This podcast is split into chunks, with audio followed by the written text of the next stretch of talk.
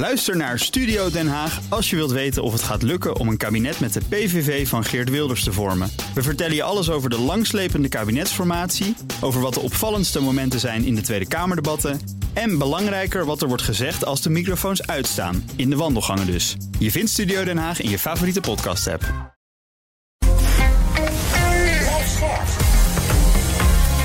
BNR Nieuwsradio. De Ochtendspits. Bas van Merven. Vier minuten over half zeven. Het is dinsdag 11 april 2023. Toch is het de eerste werkdag van deze week. Het zou derde paasdag kunnen hebben zijn geweest, maar dat was het niet. Want het is gewoon een werkdag. Ivo Verrips, goedemorgen. En daarom zijn wij er. Goedemorgen, Bas. zijn wij hier, ja. Veel eieren gegeten? Eh, Te veel, hè? en, eh, valt eigenlijk wel mee. Ja, jij wel? Nee, eigenlijk, ja, nou, valt van mee. Ja. Chocolade eigenlijk. Ja, nee, Dat heel wel. goed. Is niet zo erg Hoort erbij, Nee, daarom. De Franse president Macron werd afgelopen weekend groots onthaald in China. Maar bij thuiskomst joegen niet alleen Amerikanen... maar ook zijn eigen Europese collega's tegen zich in het harnas. Wat betekent dat voor het bezoek wat hij vandaag brengt? Het officieel staatsbezoek aan Den Haag. We gaan erover praten met onze Europa-correspondent Stefan de Vries. Stefan, goedemorgen. Goedemorgen, Bas. Wat heeft hij nou precies gezegd... waardoor de Europese collega's zo ontzettend over de rode gingen? Ja, hij heeft een interview gegeven in het vliegtuig van China naar Parijs. En Politico, de Amerikaanse website, heeft daar citaten uitgehaald die wat verder gaan dan het interview in het Franse dagblad Les Echos. Hij heeft gezegd dat het niet in ons belang is om een crisis op Taiwan te bespoedigen. Uit angst voor een Chinese overreactie. En uh, hij zei ook: het ergste wat Europa zou kunnen doen is het voorbeeld te volgen van de Amerikaanse agenda. En Amerika natuurlijk is erg gericht op de verdediging van Taiwan. Met andere woorden, we moeten op onze eigen benen staan. Uh, en ja, dat heeft toch wel tot wel wat verbazing geleid. En niet alleen in Washington, uh, maar ook aan onze kant van de oceaan. Ja, en vandaag is hij dan in Nederland. Ja. ja. Wat gaan we daarvan? Wat, gaat hij dit herhalen? Gaat hij het ontkrachten? Wat, wat verwacht je? Nou, ik, ik denk dat, dat dit eigenlijk een soort inleiding is wat hij, wat hij vanmiddag gaat uh, vertellen. Hij is inderdaad twee dagen op staatsbezoek, komt zo meteen aan om een uur of half elf in Amsterdam. Maar vanmiddag in Den Haag geeft hij een, grote speech. En dat is niet toevallig daar, want het is precies 75 jaar na het congres van Den Haag. En daar spraken toen allerlei grote namen, onder wie Winston Churchill en Konrad Adenauer, over de toekomst van Europa. Nou, dat gaat Macron dus ook doen. In de kringen van het Elysée hoopt men dat dit echt een speech is die de geschiedenis in zal gaan uh, van Europa. Hij gaat uh, vermoedelijk pleiten voor meer integratie. En dan met name op het gebied van technologie en defensie. Allemaal ook om onafhankelijk te worden van China en de VS. Met als doel om van de EU het derde grote geopolitieke blok te maken. Dus een zeer ambitieus bezoek uh, vandaag en morgen aan Nederland. Ja, nou was hij vorige week ook in China met Ursula von der Leyen. Ja. Leyen hebben we nog gezegd. Het is good cop, bad cop. Hij was dan de good ja. cop, zij was de bad cop. Zouden ze dit overlegd hebben? Want dit is wel iets waarbij de, de, de president van de, een van de grootste economieën van Europa dit roept. Maar ja, met alle respect, het is niet Ursula von der Leyen die dit zegt. Nee, nee, nee. Ik denk wel dat Ursula von der Leyen uh, gekend is in wat Macron vanmiddag gaat vertellen. Maar ja, wat er in het vliegtuig is gebeurd, daar was ze vast niet van op de hoogte. Ursula von der Leyen vorige week natuurlijk in Beijing een stuk strenger dan Macron. Uh, de noodzaak voor strategische autonomie, want daar gaat het allemaal om. Hè. Uh, Europa moet op eigen benen staan. Die wordt wel gedeeld. Ja. Het is ook een term die het kabinet Rutte heeft opgenomen in het coalitieakkoord. Mm -hmm. Maar ja, hij, hij, hoe hij dat doet en welke woorden hij koos, daarmee zet hij zich af tegen Amerika. Uh, de Amerikanen zijn echt boos. Uh, ze noemen Macron zelfs uh, geopolitiek naïef. Maar ja, de Chinese staatsmedia die reageren verheugd. Dus nou, dat heeft hij dan weer wel bereikt. Ja. Maar niet tegen de zin van von der Leyen. Nee, precies. En het punt is natuurlijk wel een beetje. Het is een beetje raar. Want, want we ja. weten ook dat von der Leyen met het, het hele verhaal Taiwan expliciet gezegd heeft: jongens, pas op, niet aan Taiwan komen. Want dan heb je een probleem. En Macron ja, neemt er gewoon afstand van. Nee, zeker. Die, die reis naar Beijing is, is echt heel raar van de afgelopen week. Het ja. was bedoeld om Europese eenheid uit te stralen. Maar uiteindelijk hing von der Leyen er maar een beetje bij. Terwijl Macron zich liet verteren door Xi Jinping. Ja. En ja, dit, dit was niet echt een succes. Wel vanuit het oog vanaf de, van de Chinezen. Want ja, dit, dit, die, daar, die voelen dat ze Europa een beetje uh, weer verdeeld hebben. En mm -hmm. het, het was dus van Macron een beetje een rare actie. En het toont ook aan dat de Europese eenheid, ja, zeker op het onderwerp China, echt ver te zoeken is. Ja. Ja, en op het moment dat hij in het vliegtuig stapt, ongeveer begonnen de Chinezen met een enorme militaire oefening ja. richting Taiwan, ja. die inmiddels afgelopen is. Als je dit zo hoort, is dit nou gewoon Is dit gewoon dommigheid? Of, of is het een duidelijk plan van Macron waarbij hij zegt: ja, dit moeten wij als Europa echt doen? Nou, Macron, Macron is heel slim. Dus ik kan me niet voorstellen dat, dat hij gewoon zijn gedachten heeft laten gaan in het vliegtuig. Want het is natuurlijk een ontspannen sfeer. Een soort uh, Air Force One van Frankrijk, waar dan journalisten ook in mee mogen reizen. Um, ik denk dat het echt een aanloop is uh, naar zijn speech van vandaag. Om alvast de Europese geesten warm te maken. Uh, om alvast ruimte te maken voor wat hij straks gaat zeggen. Ja. Nou, dat betekent nog wat, want hij heeft al wat dat betreft de toren van Amerikanen en van een aantal Europese leiders, neem ik aan, over zich heen. Zou, zou Rutte daar wat van eh, gaan zeggen of moeten zeggen? Nou, die, dat concept van strategische autonomie en het meer uh, zelfstandig worden, ja, dus onafhankelijk van de. Ja, dat is echt omarmd. Ja. Maar ook Nederland is toch ambivalent naar China toe. Hè. Het mhm. blijft een hele belangrijke handelspartner. Um, en tegelijkertijd uh, zitten we te kijken of uh, bijvoorbeeld de, de export van chipsmachines van ASML ja. aan banden moeten leggen. TikTok mag niet meer gebruikt worden. Rijksambtenaren. Huawei, de telecomfabrikant, ja, die kan echt niet meer rekenen op officiële opdracht in Nederland. Dus we zitten in een spagaat wat betreft China. En dat geldt eigenlijk voor heel Europa. De uitspraken van uh, Macron in het vliegtuig worden misschien onhandig gevonden in Den Haag. Maar misschien toch ook wel handig op een bepaalde manier. Mhm. Omdat ja, dan kunnen wij ons verschuiven achter Frankrijk. In ieder geval, uh, alle ogen zijn gericht, uh, nu in ieder geval ook van Amerika en China, vanmiddag op het theater Amare in Den Haag. Wie had dat kunnen bedenken? Uh, want ja, als het aan Emmanuel Macron ligt, dan wordt daar vanmiddag echt Europese geschiedenis geschreven. Ik ben daarbij in ieder geval en vanmiddag meer daarover in de uitzendingen later deze middag op BNR. Dankjewel, Steven de Vries, onze Europa-correspondent. BNR Nieuwsradio, de ochtendspits. Ja, later spreken we trouwens nog in deze uitzending de uh, oprichter en directeur van het Nexus Instituut. En zij zijn de host van Macron. Dus even vragen hoe ze dat voor elkaar gekregen hebben dat ze hem naar dat theater hebben gehaald. Het MKB is het belangrijkste slachtoffer van de recente reis, uh, rentestijgingen. En dat komt omdat leenkosten voor kleinere leningen veel sneller stijgen dan die voor grotere kredieten. Schrijft het Financiële Dagblad. En dat ziet ook de Nederlandse Bank. Zij zeggen ja, het feit dat MKB'ers vaker kleine leningen afsluiten, impliceert dat zij worden geconfronteerd met een sterkere stijging van de rente dan het grootbedrijf. En het blijkt ook nog eens uit CBS-cijfers, want waar ondernemers over het algemeen aangaven dat ze dit jaar eh, nou, iets meer gaan investeren, zeggen juist die kleinere ondernemers dat ze rekenen op een daling van hun investeringen. Nou, die financiering van MKB is natuurlijk al langer een probleem en dat dreigt alleen maar erger te worden, zegt Belangenclub MKB Nederland. Zij spreken van een eh, zorgelijke situatie. En die rentestijging die komt ook best wel op een slecht moment, vindt eh, Lex van Tevelen, lector MKB-financiering aan de Hogeschool Utrecht. Want ja, net nu bedrijven in transitie zitten, wordt kapitaal duurder. En dat gaat naar zijn idee leiden tot een vertraging van de investeringen in bijvoorbeeld duurzaamheid, energiebesparing en innovatie. En ook MKB Nederland ziet dat probleem. Zij zeggen, ondernemers hebben net eh, twee crises achter de rug. Met allerlei problemen met solvabiliteit en liquiditeit tot gevolg. En dan nu is geld opeens heel erg duur. Tegelijkertijd eh, staan we inderdaad voor allerlei grote investeringen. Denk aan, daar zijn ze weer, duurzaamheid, digitalisering. Dan zou het fijn zijn als kapitaal een beetje te betalen is. En dan, de Europese, de Europese toerisme-industrie is vorig jaar hersteld van de coronacrisis. We boekten met z'n allen meer overnachtingen dan in 2021, zegt Eurostat, het statistiekbureau in Europa. Airbnb, Booking.com en TripAdvisor zagen dat allemaal. Het aantal overnachtingen steeg uh, in 2022 ten opzichte van 2021. Maar in 2020 halveerde het nog. Ja, niet zo gek, toen hadden we een coronapandemie. Maar het gaat zich lekker herstellen in Amsterdam. In 2019 werden nog iets meer dan 4 miljoen overnachtingen geboekt. Dat was uh, pre-pandemie. Vorig jaar 2 miljoen. Maar het komt allemaal terug. Het MBTC, het Nederlands Bureau voor Toerisme en Congressen, overweegt bijna de helft van de Nederlandse huishoudens dit jaar korter op vakantie te gaan dan de andere jaren. Zo zegt het MBTC. Ehm, en dat zou betekenen dat we ja, wellicht kleine vakanties, korte vakanties, maar toch wel met een hotelovernachtje doen. We gaan de laatste ontwikkelingen van de oorlog in Oekraïne bespreken met Peter Weininga, defensiespecialist bij het Haagse Centrum voor Strategische Studies. Peter, goedemorgen. Goedemorgen, Bas. Ja, laten we nog even kijken naar Bagmoed. Wat is het laatste nieuws daar? Um, dat um, inderdaad de Russen uh, toch wel vrij veel uh, terrein, uh, met name noord en zuid van Bagmoed, hebben ingenomen. Ja. Maar dat het nu toch wel heel duidelijk lijkt te stokken, zeg maar, het offensief. Mm -hmm. um, er wordt minder geschoten.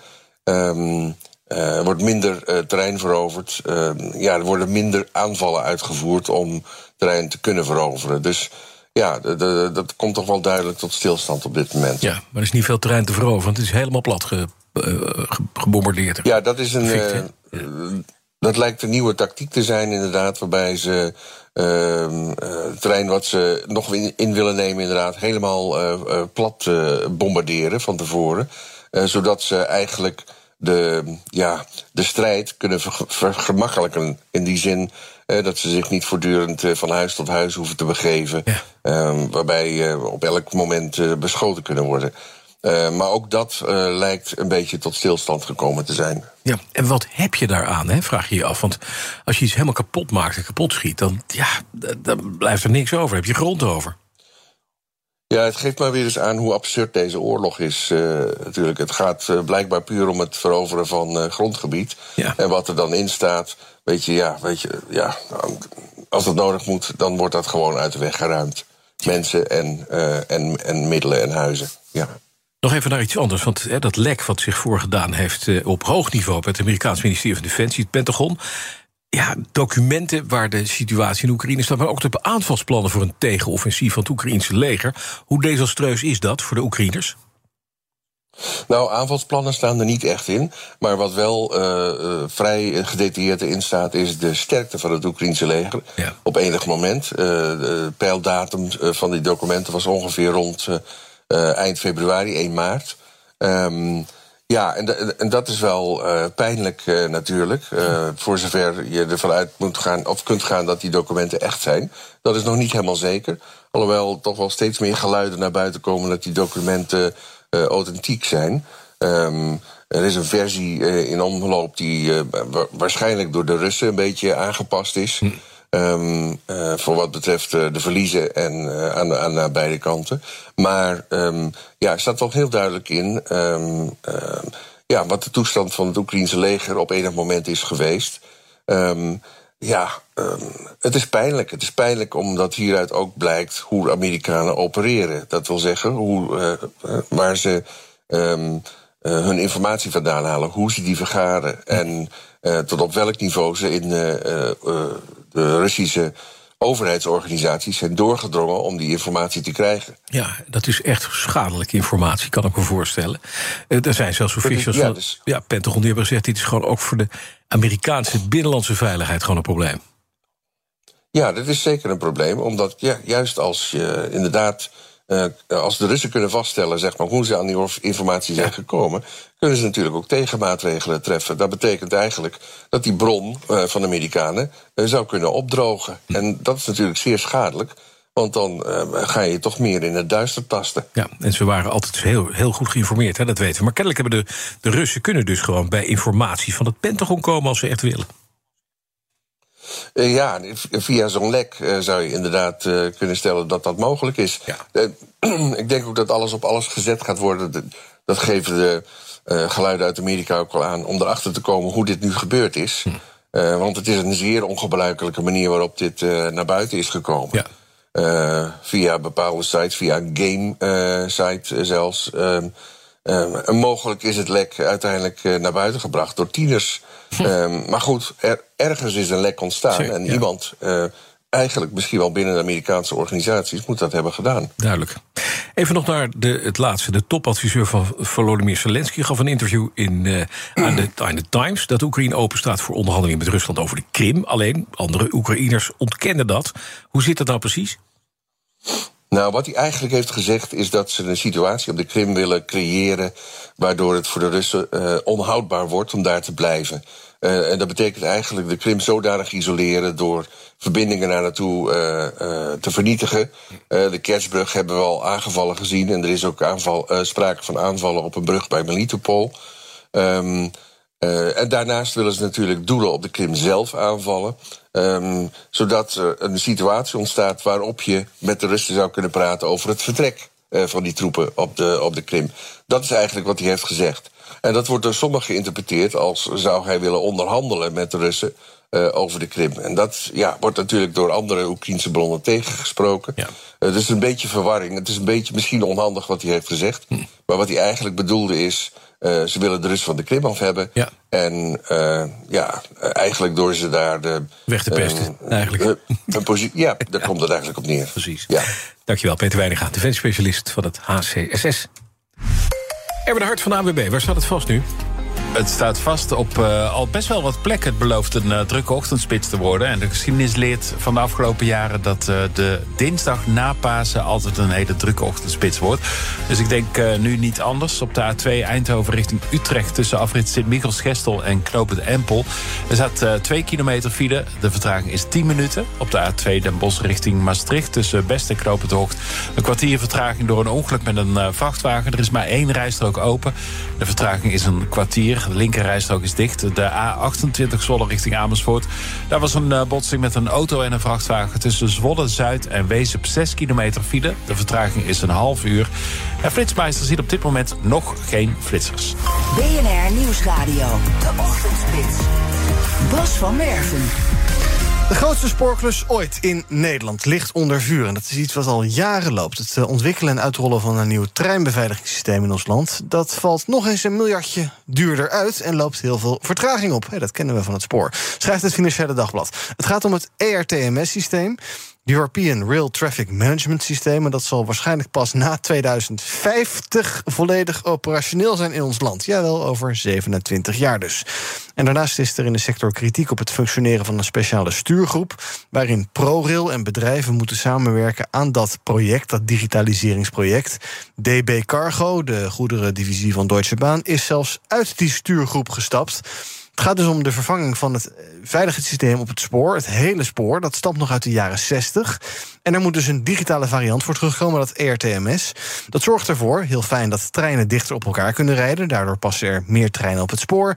Uh, ook gaan de seinen dan verdwijnen, wordt allemaal digitaal dus. En de machinist wordt bijvoorbeeld eerder gewaarschuwd bij gevaarlijke situaties. Dat duurt bij ons dus nog tientallen jaren.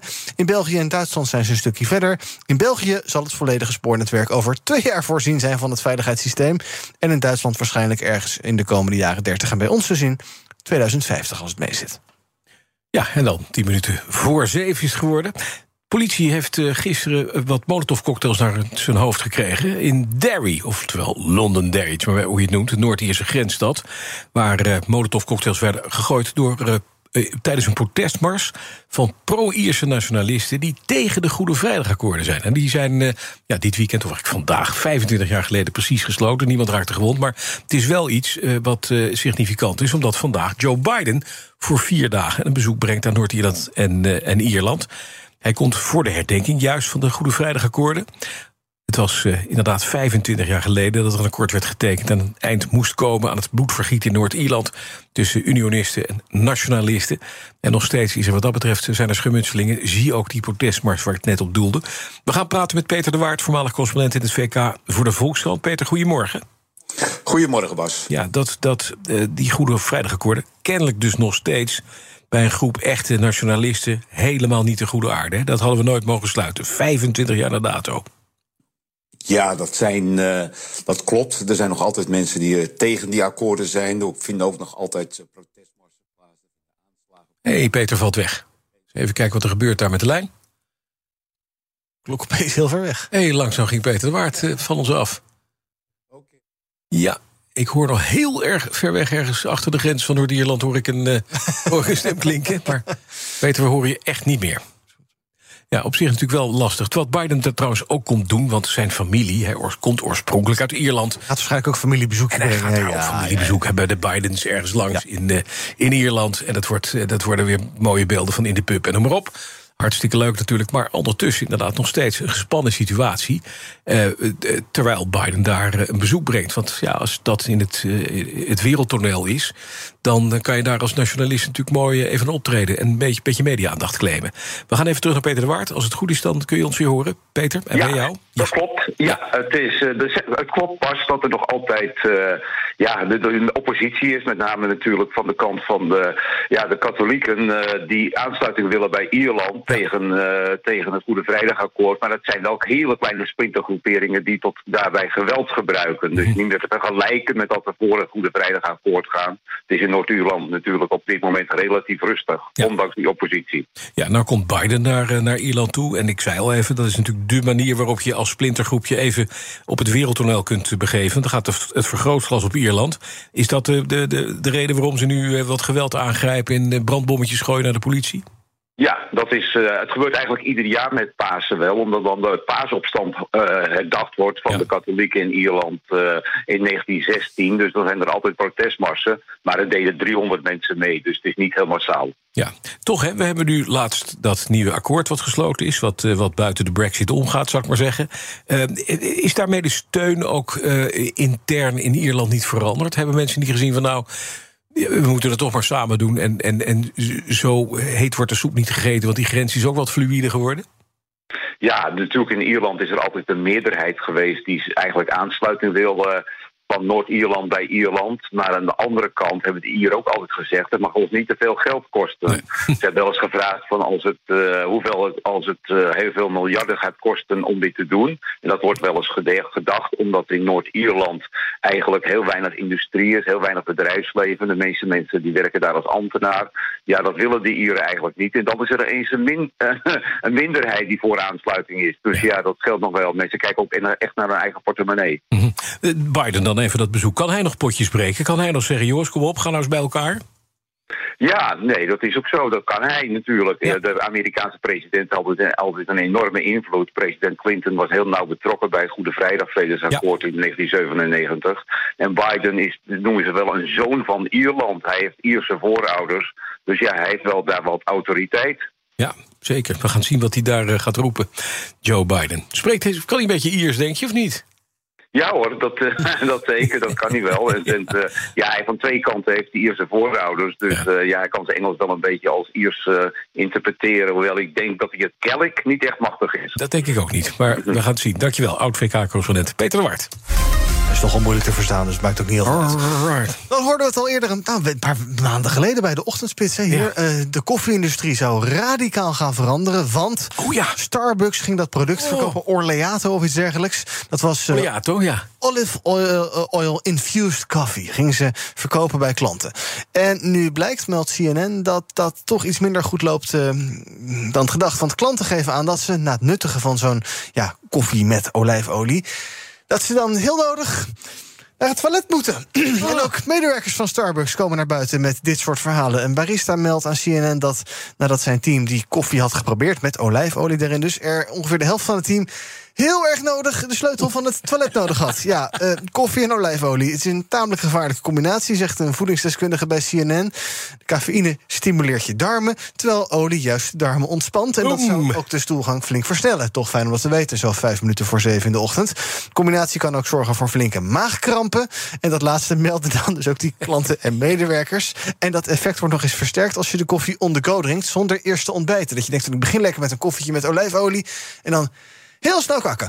Starbucks heeft nog niet gereageerd op de meldingen van klanten en medewerkers. Maar het, drukje, het drankje wordt volgens nog uh, alleen verkocht als een soort test in Starbucks-winkels in Seattle, LA en Chicago. Ja. Ik zou daar voorlopig gewoon uh, naar Costa Koffie gaan of iets dergelijks. Ja, Heel veilig. Ja. Of ja. je moet echt last van je stoelgang hebben, dan vraag je daar gewoon ja. doe uh, latte flatulato. Ook Bas van Werven vind je in de BNR-app. Ja, je kunt live naar mij en Iwan luisteren tijdens de ochtendspits. Je krijgt een melding van Breaking News. En niet alleen onze podcast Ochtendnieuws, maar alle BNR-podcasts vind je in de app. Download nu de gratis BNR-app en blijf scherp. Altijd en overal alle BNR-podcasts. Download de gratis BNR-app. Blijf scherp. BNR Nieuwsradio. De Ochtendspits. Bas van Werven. Vijf over zeven, goedemorgen. Het is dinsdag 11 april 2023. Naast me zit Iwan Verrips. De zon is op. Na een nachtje regen, we krijgen nog wel wat uh, plensbuien mm. over ons heen. Nou, vandaag. Volgende week wordt het prachtig mooi weer trouwens. Eindelijk. Eindelijk. We gaan eventjes naar dit, want woningbouwprojecten die komen in gevaar... wanneer het kabinet een fiscaal voordeel schrapt. Daarvoor waarschuwen bouwers en projectontwikkelaars. In het FD vandaag. Auteur van het stuk is onze collega Laurens Berendsen. Laurens, goedemorgen. Goedemorgen, Bas. Hoe dat belastingvoordeel, leg eens uit, wat is dat precies? Nou, het is nu zo dat uh, als er nieuwbouwprojecten worden gerealiseerd, met name in de huursector, um, dan uh, de projectontwikkelaars verkopen dan zo'n uh, zo'n project aan beleggers die het gaan verhuren. Mm -hmm. En dan is over die verkoop is geen BTW verschuldigd. Oké. Tenminste, als zo'n nieuwbouwproject is ondergebracht in een BV. Want dan worden niet de stenen, dus niet het uh, vastgoed aan Mhm. zich, zeg maar, verkocht. Maar het bedrijf. Maar dan worden de, aande de aandelen worden verkocht in, in die BV. En over aandelen is dan geen BTW verschuldigd. Mhm. En dat is dat, dat is dat belastingvoordeel als je dus nieuwbouw verkoopt via zo'n BV. Ja, nou, de, en, en nu wil het kabinet een eind eraan maken. Wat, wat levert dat de schatkist eh, op op het moment dat je dat fiscaal voordeel weghaalt? Nou, dat levert de schatkist ongeveer 150 uh, miljoen uh, euro per jaar op, is de schatting. Hmm. Um, en en het, het, het, kabinet zegt, nou, het gaat ons niet zozeer om dat geld... maar het gaat ons om de ongelijke fiscale behandeling... Hmm. Want als je namelijk wel het vastgoed zelf verkoopt, dus de stenen, ja. dan is daar wel BTW over verschuldigd. Precies. Dus die ongelijkheid wil het kabinet uh, wegnemen. Ja, maar ik begrijp dus uit je stuk dat uh, nogal wat bouwers en ontwikkelaars zeggen: ja, wacht even, dit was nou juist het voordeeltje wat we kregen, waardoor zo'n project wel haalbaar werd. Uh, is dat inderdaad zo? Nou ja, ja, dat is inderdaad het grote probleem. kijk, de woningmarkt verkeert al in de problemen. Mm -hmm. um, stikstof, de, de oplopende rente. Dus de timing vindt, vinden de bouwers en de projectontwikkelaars heel uh, ongunstig. Omdat met name nu huurwoningprojecten die worden stilgelegd. Ja. Uh, daar ontstaat onzekerheid. En het is ook nog zo dat de maatregel die het kabinet neemt, uh, volgens de bouwers en de projectontwikkelaars, leiden tot een veel hogere belasting dan de 21% BTW die je verschuldigd bent over een verkoop. Oké. Okay. Dus aan, aan twee kanten komt het heel slecht uit uh, op dit moment. Ja, en dus zijn ze, zijn ze nogal, nogal terughoudend om dit te doen. En als, aan de andere kant zie je dan, ja, belastinggelijkheid, dat is best belangrijk. Maar 155 miljoen is dan ook niet echt een opbrengst voor de staatkas waar je van gaat juichen, hè? Nee, dat, om, dat, de, om dat geld, uh, dat zal niet echt het probleem zijn. Nee. En, en, en dat, dat wordt ook naar voren gebracht. Aan de ene kant wordt gezegd van, uh, nou de overheid doet er alles aan om de ambitie waar te maken om in 2030 900.000 nieuwe woningen te hebben. Ja. Trekt daar soms ook geld voor uit. En nu wordt er dan zo'n fiscale maatregel genomen die daar juist weer haaks op staat. Ja, wat zeggen fiscalisten hierover eigenlijk? Nou, fiscalisten die zeggen ook met name van, uh, kijk, die, die, die bouw, dat is voor fiscalisten verder niet zo relevant. Maar die zeggen wel, en die bevestigen ook, van, uh, dat de manier waarop uh, financiën dat wil aanpakken, dat dat tot een onevenredig zware belastingdruk leidt. Dus dat je juist het omgekeerde effect krijgt en dat je zometeen beter de stenen dan de aandelen in zo'n BV kunt verkopen. Mm -hmm. Dus, dus die, hebben, die hebben daar eigenlijk ook geen goed woord voor over. Nee, nee. Omdat, uh, ja, nou ja, het wordt een onevenredig zware belastingdruk voor dit soort voor dit soort transacties. Precies. Nou, eerst komt dit uit de koker van staatssecretaris Marks van Rij van Financiën. Die zal ook door de deur moeten. En ik zei het al even in de, in de, in de aanloop naar dit, uh, dit verhaal. Uh, met Hugo de Jonge, de woonminister. Die krijgt er weer een, een beetje hoofdpijn bij. Ja, ja. Nou ja, ik heb natuurlijk ook gebeld met het ministerie van Financiën. Of zal uh, commentaar konden geven op de reacties die die uit de praktijk komen. Ja. Maar daar wordt ook inderdaad opgemerkt van... Uh, nou, het wetsvoorstel is, het ligt nu in concept uh, klaar. Mm-hmm. Maar voordat het wetsvoorstel wordt ingediend... Uh, zal er inderdaad ook nog met minister De Jonge gesproken moeten worden. Dus nou ja, het is even afwachten van... of, of, het, of het inderdaad gaat gebeuren. Ja. En de bedoeling is dat het trouwens per volgend jaar wordt ingevoerd. Dus vanaf 1 januari. Dus, uh, maar goed, dat worden we waarschijnlijk in het voorjaar uh, komen dat te weten of het wetsvoorstel uh, doorgaat of niet. Duidelijk, dankjewel. Laurens Berendsen, onze collega van het FD. En zijn stuk staat uiteraard in de krant vandaag. BNR Nieuwsradio. De ochtendspits. Dan gaat het ontslag van de minister van Defensie in Israël toch niet door. Benjamin Netanyahu, de premier, is teruggekomen op zijn besluit om die minister van Defensie Gallant te ontslaan. Op een persconferentie zei hij dat hij de afgelopen dagen goed heeft samengewerkt met de minister en daarom afziet van ontslag. Oh. Heeft natuurlijk allemaal te maken met die hervormingen in het rechtssysteem die Netanyahu wilde gaan doorvoeren. Daar was heel veel onrust over. Nou, na die onrust heeft hij dat in ieder geval tijdelijk teruggetrokken. Die demonstranten willen graag dat hij er helemaal mee stopt. Onrust is ook nog lang niet voorbij, want de ministers van Nationale Veiligheid en van Financiën die keren zich nu tegen hun eigen regering. Deden ze tijdens een mars in de Westbank samen met duizenden Israëliërs. Deelname van de twee ministers deed uiteraard de Wenkbrauwenfonds in Israël. Dus de ellende is nog niet voorbij. En Netanyahu probeert te redden wat er te redden valt. Onder andere door dus meneer uh, Gallant, de minister van Defensie, terug te plaatsen in zijn post. Waar hij hem eerder uit ont had ontslagen. Ja, die dan waarschijnlijk zegt... ja, sorry, foutje, kom toch maar even terug. Ik zou als meneer Galland, dus een oud-militair, zeggen... weet je wat jij doet, meneer Netanyahu? Zoek het lekker uit. Kijk het maar. Ja. 11 over 7. Systeem van vrijwillige carbon credits... dat veel bedrijven gebruiken om klimaatneutraal te worden... dat is niet zo robuust als het zou moeten zijn. Want niet gereguleerd en dat leidt tot een ondoorzichtige markt... lezen we in een rapport van de AFM, de Autoriteit Financiële Markten. Bovendien is het vaak slecht onderbouwd... dat er daadwerkelijk met dat verhaal van die vrijwillige carbon credits... ook echt CO2 uit de lucht wordt gehaald. Praten we over met Mark Beekhuis, onze energie-klimaatverslaggever... hier in de studio. Mark, goedemorgen. Goedemorgen, Bas. Niet, dit gaat niet over de handel in die, in die ETS, hè, dat, die uitstootrechten via dat Europese eh, systeem. Ja, dat is goed dat je dat zegt, want dat gaat over de grote bedrijven die veel uitstoten. En die krijgen uitstootrechten, kunnen ze verhandelen als ze over hebben of inkopen als, Als ze het niet hebben, ja. Dat ze tekort komen. Dit dit, is- gaat over vrijwillige eh, systemen, het andere is verplicht. Eh, dus het gaat over bosbouwprojecten eh, bijvoorbeeld, of over energiebesparing aan de andere kant van de wereld, waarvan je dan de voordelen koopt. Eh, dus dat is een ander systeem. Eh, En eh, ja, daarbij worden dan ook rechten gemaakt die je kan verhandelen. En daar ziet de AFM dan dus de problemen mee. Precies, want ze zeggen dat is ondoorzichtig, die markt. Dat is niet gereguleerd. Maar eh, de AFM doet dat wel vaker. Die trekken hier een broek aan van wij zijn toezichthouder. Gaan ze hier wel over? Nou, nog niet. Misschien willen ze dat wel heel graag. Eh, nou, dus ze schrijven in het rapport wel dat ze vinden dat er wetten in ieder geval zouden moeten komen. Want op het ogenblik is het dus letterlijk niet gereguleerd. Ja. Als jij zegt, hier heb je een CO2-recht. Nou, is Ja, jouw recht om dat. Ja. Ja. en als, je, als iemand hem wil kopen, je. hartstikke goed. Eh, dus dat staat er toch wel in. En, voor een deel hebben ze er wel iets mee te maken, omdat er ook futures zijn. En dan kom je wel bij de AFM in de buurt. Banken zijn hierin aan het handelen. Die proberen die, de handel, de markt te faciliteren. Juist. Dus het komt wel bij ze in de buurt. Zeker. Maar dan nog eventjes naar het probleem. Je zegt al vrijwillig, het is niet gereguleerd. Even, laten we het even, even Ja? uitpellen. Gaan we doen. Ja? Eh, oké, ik denk, je gaat nu. De Nee, nee, eerste nee, van- ik, wil, Nee. ik wil de hoofdpunten even weten. Wat is er nou, wat is er nou fout? Nou, het, het, het allerbelangrijkste misschien erbij te zeggen is... er is niet gezegd dat het altijd misgaat. Oké. Maar er is ook niet gezegd dat het goed gaat. Ik bedoel, je koopt een recht waarop iemand anders belooft... aan de andere kant van de wereld om een ton CO2 uit de lucht te halen... of om die niet uit te stoten. Mhm. En heel vaak kan je dat gewoon niet weten. Dus als je dan als bedrijf zegt... wij worden net ook klimaatneutraal. Hier zijn onze rechten. Dan kan je eigenlijk die claim niet maken. Nee. En dat doen veel bedrijven wel. Want die zetten vaak veel meer in op dit soort rechten... dan op besparen van CO2-uitstoot. Wat ze ook zouden kunnen doen. En wat eigenlijk misschien wel beter is. Maar het is handig om dat bosbouwproject in de Filipijnen te steunen... daar je CO2-rechtjes te kopen... dan dat je het hier moet gaan doen, hè? Ja, dat klopt. Het is ook, het is ook heel goedkoop. het, is, het, eh, het is goedkoop om dat Ja. soort rechten te krijgen vanaf de andere kant van de wereld. Ja.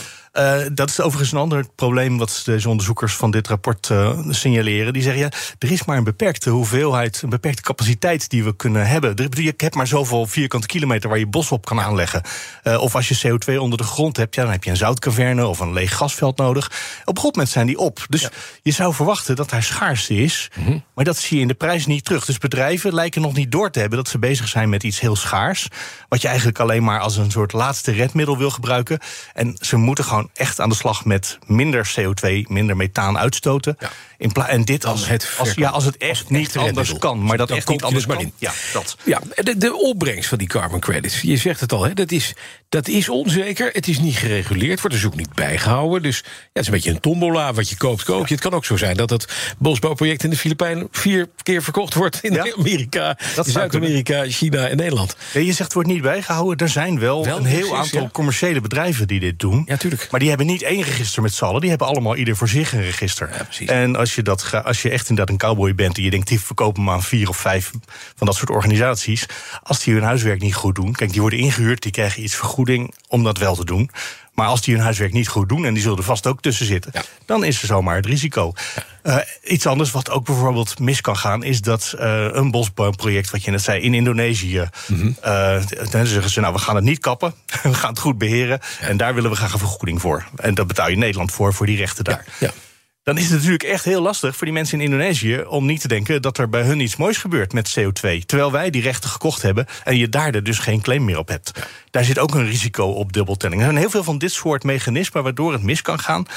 En uh, het, het, sowieso, het, uh, wat dan heet additionaliteit. Dus uh, zou dat bos daadwerkelijk gekapt zijn als we er geen geld heen stoppen? Ja, of ja. zouden ze misschien toch gedacht hebben: nou ja, we laten het gewoon gaan de komende jaren? Ja. En dan betaal je dus voor, ja, voor niks eigenlijk. Nee. nee. En nou, dan heeft het al, geen opbrengst gehad. Nee, dan, dan betaald, heb je wel betaald, maar die hebben er niks mee bereikt. Dus als dat, dat soort mechanismen, als je dan als bedrijf zegt: wij zijn netto klimaatneutraal, hè, want onze uitstoot compenseren we met ja, met weten we dus niet ja, nee. of we het echt compenseren. Ja, nu AFM inderdaad hebben ze het. Je zei het al even, ze gaan er niet over. Wel over die derivaten die ontstaan rond die handel. Komt er iemand die op een gegeven moment gaat zeggen: dit gaan we reguleren? Dit is een eerste oproep daartoe. Zo leest het rapport wel. Van, we, ja. Ze vinden dat dit gereguleerd moet worden. Ik weet niet of dat nou per se de AFM moet zijn. Want misschien moet het wel een niveau hoger voor Europa. Of, of op wereldwijd misschien zelfs wel doen. Want het is inderdaad vaak, wat je zei, Filipijnen, Indonesië, dat soort projecten. Dus uh, of het per se de AFM moet zijn, of dat hij daar een rol in kan hebben, dat zou best kunnen. Kan je dit niet onder dat systeem van de ETS hangen? Uh, het ETS, dan heb je het sowieso alleen maar binnen Europa. Ja. Dus ja, dat kan. Maar, maar uh, dat is misschien juist omdat er zo vaak dingen aan de andere kant van de wereld gebeuren. En is het misschien net niet handig. Ja. Maar die hebben natuurlijk wel. Nou ja, dit, het mechanisme is echt wel fundamenteel anders. Ja. Daar is natuurlijk besloten hoeveel CO2-uitstoot alle bedrijven met elkaar samen mogen hebben. Elk jaar gaat er ietsje vanaf. En uh, dan kom je op een goed moment in 2050 op nul uit. Als het goed gaat. Ja. En uh, dit gaat, is puur de compensatie die je ergens zoekt. Kunnen we een project verzinnen om mijn uitstoot aan de andere kant van de wereld misschien te reduceren? Ja. En dus het mechanisme is anders misschien, dat het wel kan via dezelfde handelsmarkten. Maar daar zou nog eens even. Dat is niet in dit onderzoek. Nee, precies. Er moet nog een hoop water door de Rijn stromen. Ja. Schoon water, als liefst. Ja, liefst wel. Dat alweer wel. Mark Berghuis, dankjewel. Onze energie- en klimaatverslaggever. Erwin de Hart van AWB, 18 over 7. Waar staat het vast? Het staat vast op best veel plekken eigenlijk. Het is uh, zoals altijd uh, druk de dag na Pasen op de weg. Op de A1 Amersfoort richting Amsterdam. Tussen Amersfoort West en Blarikum. 8 kilometer stilstaand verkeer. Door een kapotte auto zijn twee rijstroken dicht. En het, uh, er is maar eentje open dus. En het is heel veel, wat, ja, bijna een uur vertraging. A9 Alkmaar richting Amstelveen. Tussen knooppunt Beverwijk en Rotterpolderplein. Een kwartier extra. A16 Breda Rotterdam. Tussen Breda Noord en Dordrecht. Bijna een half uur vertraging. 9 kilometer file. Aansluitend 20 minuten extra op de A17 Roosendaal-Dordrecht... tussen Zevenberg en Knoopend Klaverpolder. Flitspeister ziet een flitser langs de A10... Koenplein Watergraafsmeer, hectometerpaal 9,3... En de A29 Rotterdam-Bergen-op-Zoom 23,2. BNR Nieuwsradio. De Ochtendspits. Ja, tijd voor een uh, blik op de beursagenda. Met vandaag Jochem Visser van BNR Beurs. Beleggers konden even tot rust komen. Vrijdag geen beurshandel, maandag geen beurshandel. Wie al het groen en rood heeft gemist, moet de honger stillen met een paasei of een jaarverslag. Wie voor het jaarverslag koos, komt goed beslagen ten ijs voor een nieuw cijferseizoen. Want in Amerika maken ze zich al op voor het tweede cijferseizoen van het jaar.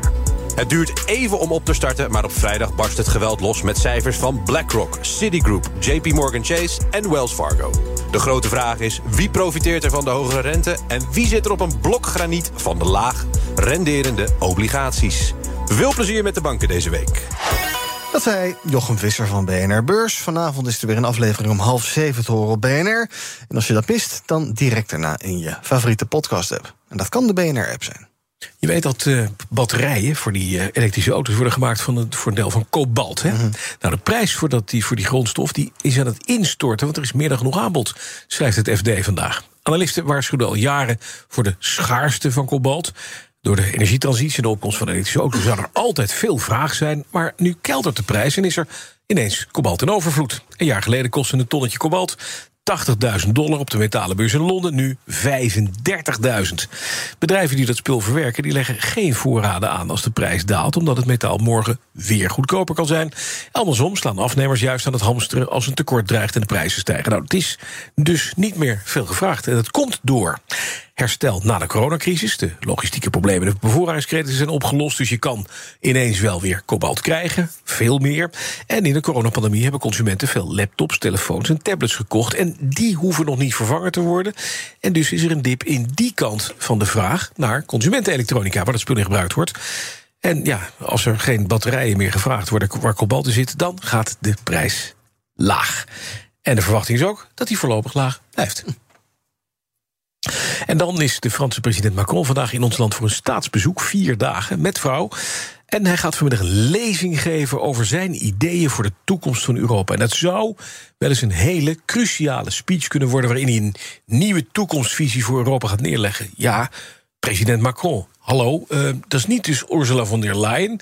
Maar dit is de man van de tweede grootste economie in Europa... die de nieuwe visie neerlegt. Ik vind het opmerkelijk. Bij ons Rob Riemen, directeur van het Nexus Instituut... initiatiefnemer van die lezing. Meneer Riemen, goedemorgen. Goedemorgen. Hoe heeft u dat nou geregeld, dat je Macron er dan aangehaald... en dan dit bij u laat uh, vertellen? Nou ja, uh, Emmanuel Macron die komt bij ons dus de Nexus-lezing uh, ja. geven. En die uh, organiseren we al 28 jaar. Mm -hmm.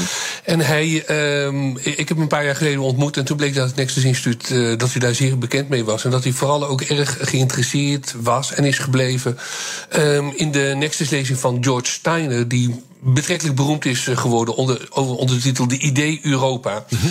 En um, dat is ook een lezing waar hij de eerste twee keren dat hij een grote lezing over Europa gaf, toen was hij net president geworden in 2017, refereerde hij aan die lezing van uh, George Steiner. Dus ja, uh, 1 en 1 is uh, 2. Ik bedoel, als hij bekend is met de ja. Nexus lezing en in de, onder de indruk is terecht van de lezing van Steiner, dat heb ik me laten weten. God, weet je, waarom komt, u dan, waarom komt dan niet zelf een keer de Nexus lezing ja. geven? Want dat wilde hij graag doen. Mm -hmm. Maar ja, dan komt er eerst een pandemie, dus dan wordt het lastig. Dan komt er een uh, oorlog in de Oekraïne, werd ook lastig. Maar uh, van, vanmiddag staat hij er dan om, uh, om vier uur in het Amare Theater in, in Den Haag. Ja, dat staat op de wereldkaart. Want hij gaat belangrijke dingen zeggen. Ik neem aan dat u de PowerPoint al toegestuurd gekregen heeft. Waar gaat het over? Nou, ik mag hopen dat hij geen PowerPoint uh, doet, want dat zou iets afschuwelijks uh, uh, zijn. Ja. Um, nee, ja, de, de, eerlijk gezegd, er is een, soms krijg ik hem wel een tekst van tevoren toegestuurd door, ja. een, door een, een spreker. dit keer niet. Oh. En, um, en dat zal te maken hebben met het feit dat hij waarschijnlijk nog in het vliegtuig aan die tekst zit te werken. Want mm -hmm. we hebben hem wel leren kennen als een man die heel veel dingen op het laatste moment doet. Maar ook omdat hij dan toch zelf beetje de touwtjes in handen wil houden. Dus ik weet dat hij een draft heeft gekregen van zijn, van zijn staf. Wij werken er zelf aan. Wat wij wel weten is dat hij ons um, het pers, of persbericht de aankondiging uh, die we uit mochten doen, dat was een aankondiging die hij zelf had uh, goedgekeurd. En daarin staat, ja, het gaat over de toekomst van Europa, maar hij komt in Den Haag spreken 75 jaar nadat in Den Haag in 1948 het Congress of Europe plaatsvond. Ja. En dat was een bijeenkomst met onder andere de grootheden van toen: Churchill, Adenauer, Macmillan, maar ook Raymond Aron, Bertrand Russell, um, tal van andere intellectuelen. En daar ja. werden de, eigenlijk de eerste zaden van de Europese Unie gezaaid. um, dus ik, ja, het, is, het zal ook een soort een terugblik zijn van je luister 75 jaar. In 1948 kwamen die uh, staatsmannen en intellectuelen bij elkaar in, in Den Haag om te praten van alles wat we nu in de eerste helft van de 20e eeuw hebben meegemaakt. Hoe zorgen we ervoor dat dat nooit meer kan gebeuren? Ja. En, uh, ja, en hij, mag de, hij mag de blik op vooruit werpen. En ik lees wel inderdaad in alle berichten, ook in het Financieel Dagblad uh, hele ochtend, van ja, hij zal het vooral hebben over de economische soevereiniteit. Ik hoop van harte dat hij iets verder gaat dan dat. Mm -hmm. Want uh, ik denk dat als we iets hebben geleerd met alles rondom de Oekraïne, het gas en alles wat met Rusland te maken heeft. Ja, met e economische soevereiniteit, die kan alleen bestaan op het moment dat wij een verenigd Europa zijn. En dat ja, zijn we niet. Nee, en dat heeft hij ook weer laten zien tijdens dat interview... wat hij afgelopen uh, vrijdag meen ik gaf uh, toen hij terugvloog vanuit China... waar hij toch iets heel anders zegt dan Ursula von der Leyen. Hè, als het gaat om de Europese uh, verstandhouding met, met de rest van de wereld. Want waar Macron, als we zijn woorden zo mogen geloven... uit het vliegtuig juist op doelt... is dat Europa veel al onafhankelijker uh, continent moet worden. Niet afhankelijk van de Amerikanen. En een eigen, eigen opstelling richting China ook moet kiezen. En dat is diametraal anders dan, dan Europa wil. En daar heeft hij nu ook kritiek voor gekregen. Maar verwacht u inderdaad dat het zo'n groundbreaking speech zal zijn... dat hij daarvan zegt, dit is het nieuwe vooruit voor Europa? 75 jaar na die oprichtingsbijeenkomst van... Uh, uh, van de, de Europese, ja, uiteindelijk die, die, dat congres van Europa? Nou, om heel eerlijk te zijn, ik weet het antwoord uh, daarop niet. Wat nee. ik wel weet, is, er zijn twee dingen. Dat is op de eerste plaats. Um, kijk, hij is een wereldleider, mevrouw Ursula van Leiden niet. Nee. De EU heeft dus geen wereldleider, snap je? Ja. Um, en daar zit natuurlijk wel een heel groot mm -hmm. uh, probleem. Want nogmaals, ik bedoel, uh, heel veel uh, gepraat over soevereiniteit, we moeten steeds zijn. Maar als, als, als het huis verdeeld is, hè, als Winkel al zei, dan ja. maak je geen schijfkans. Dat is één. Twee is. Hij heeft zelf bij ons benadrukt van zorg ervoor dat ik ook tot ten aanzien van een heel jong publiek kan spreken. Er zitten, de zaal zit helemaal vol, uh, 1500 man, maar van die 1500 zijn ongeveer 600, 700 jonge mensen. En ik weet wel welke vragen, een groot deel van de vragen die zij hebben voorbereid. En die gaan allemaal over het feit van ja. Um, uw eigen land is verdeeld. Hoe kunnen we dan Europa bij elkaar houden? um, als je ziet de groei van het nationalisme, uh, uh, uh, hoe, hoe, moet dat dan? En waarom moet altijd alles worden bekeken door de blik van de economie? Waarom wordt cultuur alles afgerekend van wat is de economische waarde ervan? Terwijl uiteindelijk een culturele waarde toch uitstijgt boven een economische waarde. Nou, daar zal hij mee worden geconfronteerd. Ik ben heel benieuwd en ik denk dat het heel spannend gaat worden. Absoluut. En uh, nou ja, iedereen kan het volgen uh, via onze website, want het wordt uh, live uitgezonden. Mooi. Nexus-instituut.nl. Rob Riebe, oprichter en directeur van het Nexus Instituut in Den Haag. Vanmiddag om vier uur spreekt Macron daar.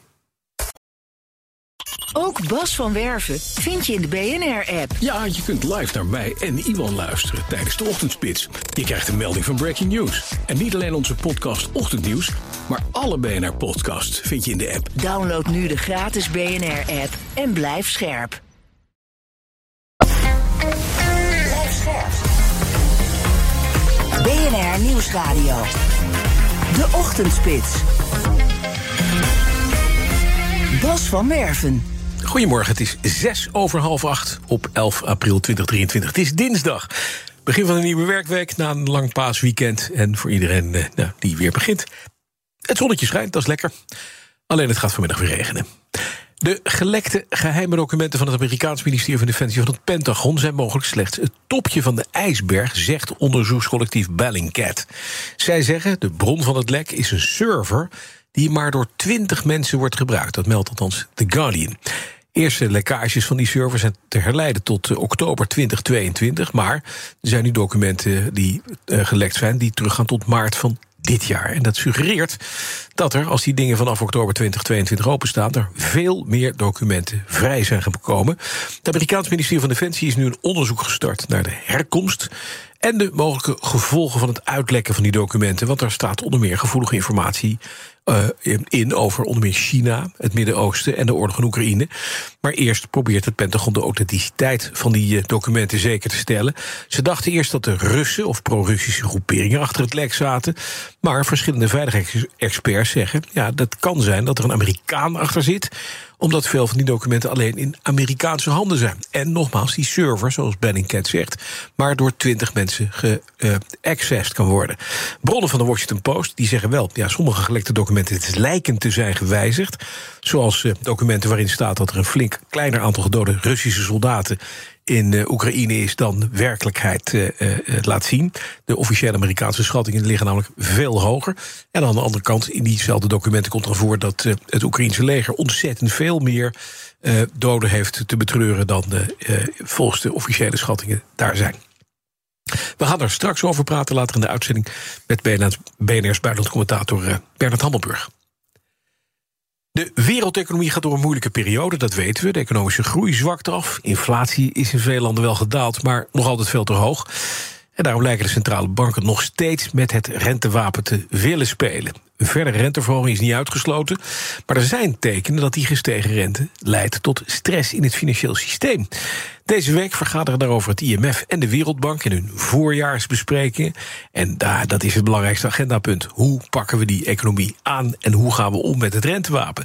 We gaan erover praten met onze huiseconoom Han de Jong. Han, goedemorgen. Goedemorgen, Bas. Ja, dat wordt de belangrijkste boodschap deze week. Ja, dat denk ik wel. Um, de toekomst is onzeker. En, bij dit soort vergaderingen wordt er dan natuurlijk heel vaak gezegd: ja, we moeten het allemaal samen doen. Maar het is natuurlijk een ontzettend lastige balanceerklus. Jij geeft het eigenlijk ook al aan. Ja. Want wat moeten die beleidsmakers uh, uh, zien te bereiken? Nou, ze moeten de inflatie onder controle brengen. Maar zonder de economie in een diepe recessie te duwen. En zonder uh, financiële stress in het, of stress in het financieel systeem te veroorzaken. Ja. Um, dan moet natuurlijk ook zoveel mogelijk de sociale cohesie overal bewaard worden. En ja, dat moet dan allemaal gebeuren tegen een achtergrond van... ja, we hebben natuurlijk toch ook nog een oorlog. Ja. Er zijn andere geopolitieke spanningen. Um, en er dreigt ook, en dat zie je toch ook wel op de agenda van de bijeenkomsten in Washington deze week uh, terugkomen. Er dreigt toch een versnippering van de mondiale economie. Dus ja, het, het valt hm. allemaal niet mee. Nee, zeker. Dat, en de belangrijkste dilemma's die, waar die beleidsmakers daarvoor staan. Hè, want die moeten inderdaad dus gaan wikken en wegen. Je zei het al, het is een balancing act. Uh, maar dan gaat het ook onder meer, neem ik aan, over hoe gaan we dat rentewapen inzetten. Ja, ja, precies. Hè? Want um, uh, ja, de verschillende uitdagingen die, die, die vragen eigenlijk een beetje om, om tegengestelde reacties met de verschillende beleidsinstrumenten. Hè? Zo kun je natuurlijk, hè, als je, je hebt een inflatieprobleem, nou, dat wil je graag bestrijden met hogere rente. Maar daarmee riskeer je en dat is natuurlijk een, een oud dilemma voor beleidsmakers. Maar daarmee riskeer je altijd een, eh, een, recessie. Maar wat er nu dus bij komt is dat die rente zo hard is gestegen. dat je, dat je toch ook dus inderdaad ja, eh, financiële instabiliteit, stress in het financieel systeem, eh, daarmee riskeert. En daar hebben we natuurlijk de afgelopen periode hebben we daar voorbeelden van gezien. Ehm, nou, als je die dan hebt, die stress in dat financiële systeem, dan zou je het liefst willen reageren met renteverlagingen. Maar dat kan niet.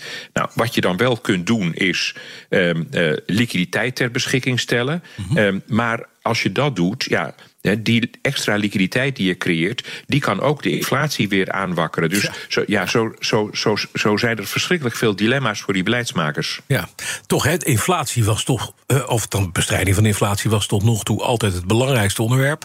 Uh, de, dat gaat redelijk. Hè. Bij ons is die inflatie maart gedaald tot 4,4 procent. Alleen, ja. ja. als je dan kijkt naar bepaalde, als je dat even highlight, dan zit er nog steeds veel pijn in. Uh, als je in Amerika kijkt, ook daar zit die inflatie wat teruglopen. Is dit niet meer het belangrijkste uh, uh, verhaal voor, uh, voor de centrale bankiers en voor de Wereldbank en voor het IMF?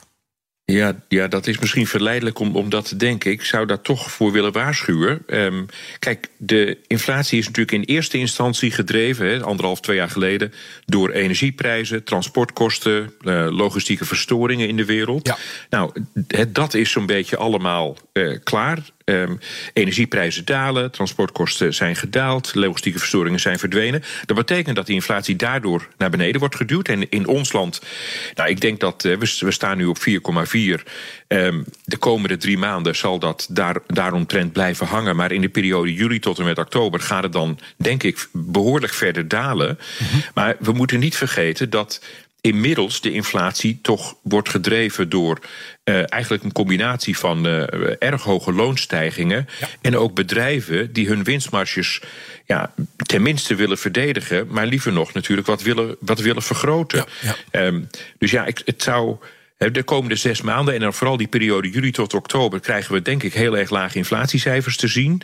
Um, maar dat verhult dan een beetje dat er, dat, uh, uh, dat er onderliggend toch een inflatieproces aan de gang is. wat nog niet, uh, ja, wat nog niet klaar is. Dus het nee, is precies. naïef, denk ik, om dan de overwinning te claimen. Ja, laten we dat niet doen. Toch even naar die financiële stabiliteit. Hè, want we hebben gezien dat er een aantal banken Amerika failliet gaan. Credit Suisse toch last had en ja. door UBS werd ja. overgenomen het lijkt alsof die financiële markt, want iedereen had ja, dat is een nieuwe bankencrisis. Nou, dat was het hopelijk niet. Kunnen wij inmiddels rustig gaan slapen? Jamie Dimon, de baas van uh, uh, Goldman Sachs, vorige week nog pas op, want die kleine bankjes in Amerika, die moet je nog even goed bekijken. Daarmee was weer wat onrust, maar wat kunnen we daar nog, wat gaan ze daarvan zeggen bij de Wereldbank, de IMF? Ja, ik, ik denk dat ze gaan zeggen, wat, wat wij natuurlijk ook wel hebben gezegd, is dat die, uh, dat omvallen van die Amerikaanse banken, uh, Suisse is een, is een ander geval, maar zeker die problemen in Amerika, ja, dat dat toch wel hele specifieke gevallen waren. Uh, uh, maar ik moet wel zeggen, dat ging toch wel om een combinatie van ja, genomen risico's, eigenlijk onverantwoorde risico's die verkeerd uitpakten, maar wel in een omgeving van fors gestegen rente. En ja, dat is natuurlijk iets waar veel partijen mee te maken hebben. En, en wat voor veel partijen een uitdaging vormt, die, die gestegen rente. Um, dus um, nou, de, de, de laatste week of zo. Ja, Um, is het nieuws in ieder geval een stuk rustiger geworden. Nu kun je um, in de Verenigde Staten kun je in de statistieken van de Federal Reserve kun je wekelijks zien hoeveel uh, noodsteun, hoeveel liquiditeitssteun de Federal Reserve aan het bankwezen verstrekt. Nou, dat is vorige week wel iets gedaald. Maar om, om dat in perspectief te plaatsen, dat is nog altijd um, iets meer dan drie keer zo hoog als op de top van de financiële crisis van 2008, 2009. Ja. Dus Uh, dus ook hier zou ik zeggen, het, het, het, gaat de goede kant op. En er is geen reden om nou aan te nemen dat we een enorme financiële crisis uh, tegemoet gaan. Maar het is ook weer een beetje naïef om te denken dat we alle problemen achter ons hebben gelaten. Duidelijk, dankjewel. Han de Jong, onze huiseconoom. BNR Nieuwsradio. De Ochtendspits. Ja, hij gaat het doen hoor, Joe Biden. 2024, dan zal hij herverkiesbaar zijn. Althans, ja, hij is het van plan. Maar hij is nog niet zo ver om dat momenteel formeel aan te kunnen kondigen. Zei hij bij een. Ja, het is altijd een beetje een raar fenomeen. Maar goed, ja, dat zei hij bij een wat informeel niks aan de hand interviewtje bij NBC. Voorafgaand aan het jaarlijkse Heerlijk, niks aan de hand. Paasfeest bij het Witte Huis. Will you be uh, taking part in the Easter egg rolls uh, after planning on after 2024? Well, I plan on at least three or four more Easter egg rolls. At least three or four more. Maybe maybe five. Maybe five. maybe maybe so, six. So what the hell? Are you know. are you saying that uh, you would be uh, taking part in uh, our upcoming election in 2024? Well, I'll either, I'll, either, I'll either be rolling an egg or you know being the, the you know the guy who's pushing them out. Come on, help a help a brother out. Make no, some news no, for no, me. No, I, I plan on running out, but we're not prepared to announce it yet. Ja, hij wil nog minstens zes keer Pasen meemaken in het Witte Huis. Dat zou dus 2029 zijn. Oké. Okay. Um, nou, hij zei het al. Ik wil wel mee gaan doen, maar ik ga het nog niet aankondigen. En dat heeft ook te maken met allerlei zaken rondom uh, financiën en dergelijke. Um, uh, achter de schermen wordt al hard gewerkt aan een campagneteam. Ook aan een, uh, een PAC, zo'n Political Action Committee, genaamd Future Forward, waar geld mee moet worden binnengehaald. En als die zich formeel kandidaat stelt, dan zitten er allerlei regels aan verbonden. Daar heeft het onder andere mee te maken. Jill Biden zei een tijdje geleden, ook al twee maanden geleden... ja, hoe vaak moet hij het nou nog zeggen voordat je het gelooft? Dus ja, hij wil het echt wel gaan doen, lijkt het. Alleen de formele aankondiging, die komt nog. Werd eerst al verwacht in februari, werd toen nog even doorgeschoven naar april. Nou, het zou kunnen dat hij wacht tot in juli van dit jaar. Maar het is wel een beetje een rare, rare stijlfiguur dat je zegt... ja, ik ga het doen, maar ik zeg het nog niet. Maar ik ga het wel doen. En als hij herkozen wordt, ja? is hij aan het eind van zijn tweede ambtstermijn... 86. Ja. Een jonge blom. Exact. Hij is nu inderdaad al de oudste. Dan ja. zal hij ook oudste herverkozen zijn. En ja, het is fascinerend. Ja. Erwin de Hart van de ABB is bij ons. Erwin, hoe staat het erbij? Nou, het, uh, het, is druk. Het is niet uh, gigantisch druk, maar het is wel uh, een drukke spits met 666 kilometer op dit moment. En de vertraging wordt veroorzaakt grotendeels door dagelijkse drukte op de A15 Nijmegen richting Gorkum tussen Ocht en Waddenooien. 15 kilometer file, een half uur vertraging op de A16 Breda-Rotterdam. 20 minuten erbij tussen Breda Noord en Dordrecht. Een 10 kilometer file. A28 Zwolle richting Amersfoort. Een kwartier vertraging tussen Zwolle Centrum en het Harde. Flitsbuizers zien een flitser langs de A1 Amersfoort richting Apeldoorn... bij hectometerpaal 69,9. BNR Nieuwsradio. De Ochtendspits. Bas van Werven. Ja, en dan is het inmiddels wel eens een beetje tijd geworden voor... De werktip van de week. De werkweek gaan we weer een vliegende start geven. Ben Tichelaar is bij ons gedragswetenschapper en presentator van de Ben Tichelaar podcast. Ben, goedemorgen. Goedemorgen, Bas. Ja, de werktip van deze week heeft te maken met een magische formule voor goede relaties. Thuis en op het werk. Nou, dat zou heel wat ellende kunnen voorkomen, denk ik. Maar bestaat dat echt? Ja, nou ja, min of meer. Ja. Dat is eigenlijk het enige uh, serieuze antwoord. Psychologen die doen al zo'n 30 jaar onderzoek naar de zogenaamde PN-ratio, uh, positief-negatief ratio. Het gaat dus om de vraag hoeveel positieve en negatieve interacties heb je met iemand. En wat is de verhouding daartussen? Nou, dat is een hele beroemde psycholoog, John Gottman, die heeft het onderzocht voor mensen die met elkaar uh, uh, getrouwd zijn. Mm -hmm. En hij stelde vast, als uh, getrouwde stellen discussiëren met elkaar... dan moet de PN-ratio die moet 5 staat tot 1 zijn. Dus ik, voor, ma voor, mannen leg ik het altijd even langzaam uit. Vijf keer meer positieve interactie dan negatieve... en ook nog in de beleving van de ander. En ja. uh, nou ja, hij stelde ook vast... Ja, nee, dat het laatste is ook wel belangrijk.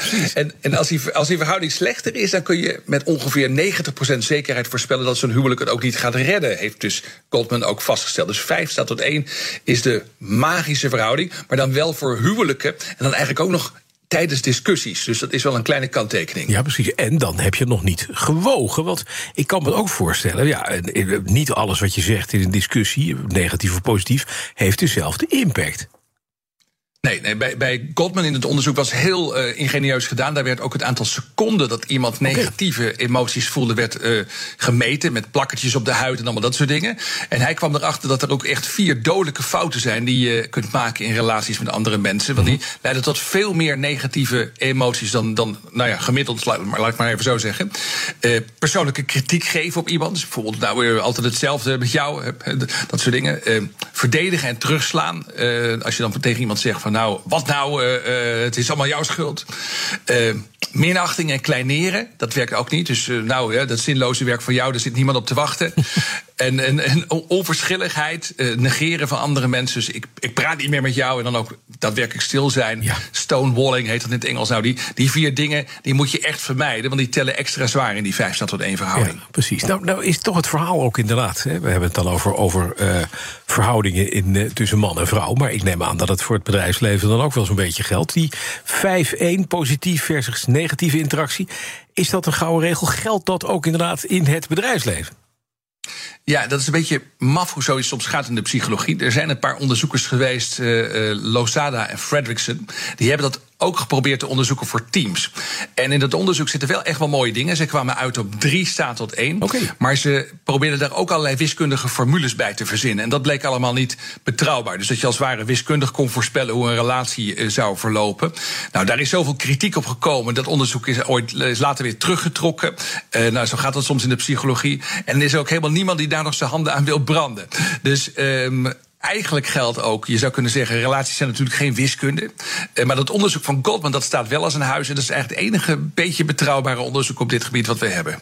Mm -hmm. En, en, en ja. nu, wat gaan we daar nu mee doen? Want dat is even de vraag. Hè? Hoe ga ik dit nou inbouwen? Thuis of, of buitenshuis?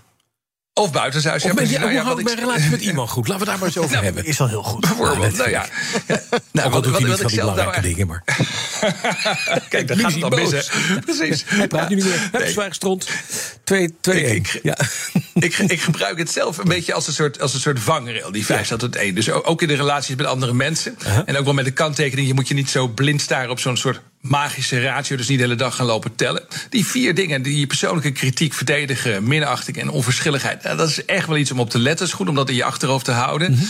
En ja, eigenlijk zeggen heel veel andere onderzoekers die hier ook kritisch naar hebben gekeken, vraag je nou gewoon af wat de ander belangrijk vindt of fijn in de relatie. Mm -hmm. En hou daar een beetje rekening mee. En dat, dat is vaak al magisch genoeg. Dus dat, ja, dat is eigenlijk ook wel goed als een soort kanttekening. Dankjewel, Ben. Kopje koffie hier wel? Ik hou de relatie graag goed. Dankjewel, Ben Tigelaar. Met podcast kun je beluisteren op bnr.nl via je favoriete podcast app. Elke woensdag een nieuwe aflevering. De werktip van de week wordt mede mogelijk gemaakt door Yacht. Pushing Horizons. Tech Update. Jo van Buurik, goedemorgen. Van Werven en Ivan Hai. We beginnen even met de BBC. Die zijn boos op Twitter, want daar wordt iets te duidelijk uh, waar het geld vandaan komt. Hè? Ja, er zijn er in Nederland wel eens mensen die ja. gepikeerd raken als je de NOS de staatsomroep noemt. Is natuurlijk ook een beetje flauw van een bepaalde krant die het vooral doet. Maar nu is de BBC pas echt op de teentjes getrapt op en door Twitter. Want daar heeft het account van BBC nu een label waarbij staat door overheid gefinancierde media. Is toch zo? Dat is op zich ook ja. zo. Maar dat label is vooral bekend geworden omdat het voor het eerst gebruikt werd bij RT en Xinhua Nieuws. De uh, staatszenders van Rusland en China. Ja, dat zijn echt de spreekbuizen van uh, Precies, foute regimes. Daar vloeit wel wat meer dan alleen geld van de Mhm. overheid naar die omroepen toe. En uh, de eerste westerse die dit kreeg onlangs was de Amerikaanse radioomroep NPR. die was dan ook niet heel erg amused. En die zei: we stoppen met twitteren totdat dat label weg is. Nu heeft de BBC dit dus. In een reactie zegt de Beep ook: we zijn onafhankelijk. Dat altijd al geweest. We worden alleen bekostigd door het Britse volk vanwege een wettelijk verplichte omroepbijdrage. Er is trouwens ook zwaar e-mailcontact met Elon Musk als Twitterbaas. Uh, en die zegt dan weer: de koppeling aan eigendom en financieringsbron is waarschijnlijk toch wel zinvol. En mediaorganisaties zouden zelf bewust moeten zijn en niet ten onrechte beweren dat er geen vooringenomenheid is. Nu denk ik dat de BBC daar toch net iets anders in is dan de Russische en Chinese staatsmedia. Ja. Maar goed, tegelijk is Musk ook ja, BBC Nieuws. Ik volg het op Twitter en ik denk dat jullie wel een van de minst bevooroordeelden zijn. Dus daar oh, dat is fijn dat ja, Musk dat vindt. Ja, dat is dat kan goed om te weten dat hij nog wel iets van normaal nieuws tot zich neemt, blijkbaar. Overigens is Twitter lang niet het enige medium dat doet. Want YouTube heeft al heel lang dat ze ook labeltjes uitdelen. Als je ook bijvoorbeeld YouTube-kanaal van NOS of Nieuwsuur uh, kijkt, dan staat er gewoon bij: uh, is Nederlands publieke omroep met de link naar Wikipedia. Zo gek is het niet. Maar het is een beetje rommelig. hè. Er staat dus government, government funded. En als je dan doorklikt, kom je bij state affiliated. Het is allemaal een beetje... Ja, het is- het is ook vlak. Maak het even duidelijk. kwalificaties, Ja. ja, Op zich, publiek omroep is prima. Nee, maar- zeker. ja. Maar gooit niet per se op groot open. En dan de omzet van de Taiwan Semiconductor Manufacturing eh, Corporation. Die TSMC is voor het eerst in jaren gedaald. Ja, ten opzichte van maart vorig jaar is de omzet met ongeveer 15% gedaald. Nog wel nog steeds op een bedrag van 16,7 miljard euro trouwens, volgens Bloomberg. Maar het is wel lager dan de verwachtingen van analisten. En als we kijken naar vorig jaar, dan steeg de omzet eh, maand aan maand nog met 20%. Maar in januari en februari was er nog maar 10% van over. Nu dus 15% gedaald. Allemaal het gevolg van de trend vraag naar elektronica. Dat chipstekort waar we jaren over gesproken hebben, ook hier in de studio, is nu nog echt al een tijdje voorbij. Weet ook bij de chipdivisie van Samsung dat al enige tijd is, eh, sprake is van een overschot, pakhuizen vol, productie teruggeschroefd. En bij TSMC nu dus voor het eerst in vier jaar dat eh, eh, minder omzet binnenkomt. Ja, dat is nogal wat. Eh, over omzetten gesproken. eh, Nintendo, daar gaat het goed mee, geloof ik, hè? Ja, de muntjes rollen binnen. Want de Super Mario Bros. film breekt alle records. 377 miljoen dollar. Is het ook in jullie tune van All in the Game? Mooi, hè? Oh, nu herken ik het Ja, game, game muntjes. Wat leuk. 377 miljoen dollar in Ja. de eerste vijf dagen. Dat, eh, Groot succes, hè? Groot succes, groot succes, groter succes moet ik zeggen dan vorige recordhouder Frozen 2. Ouders met kinderen zullen die ongetwijfeld kennen en de liedjes niet uit hun kop krijgen. Die haalde in 2019 bijna 360 miljoen dollar in zijn eerste paar dagen binnen. En als we kijken naar die Mario Bros film, vooral natuurlijk in de VS de meeste omzet meer dan 205 miljoen dollar. Ondanks wisselende recensies, want filmcritici sabelden hem neer. Gameliefhebbers zoals ik vinden hem juist heel leuk. En het is waarschijnlijk nog niet voorbij met de muntjes. Want volgens voorspellingen gaat hij gewoon meer dan een miljard dollar binnenhalen op de box office. En dan moet de digitale release nog eens komen. Daar verwachten ze ook nog eens 2,3 miljard dollar. Maar zit je dan op de televisie gewoon te kijken naar die film met een game controller in je hand en net te doen of je Mario zit? Nee, voor, voor de niet. verandering zit je dan gewoon anderhalf uur passief te kijken. en te genieten. En dat kan ook, Bas. Ja. Want dat is de trend. We hadden begin dit jaar nog The Last of Us of HBO Max. Onze eindredacteur vindt het ook helemaal fantastisch. Gewoon kijken, niet spelen. Wat ook mooie verhalen. Je begint langzaam een boomer te worden. Ja, weet je wel. Hè? Dankjewel, Joe van Buurik. De BNR Tech Update wordt mede mogelijk gemaakt door Lenklen. Lenklen. Betrokken expertise, gedreven resultaat.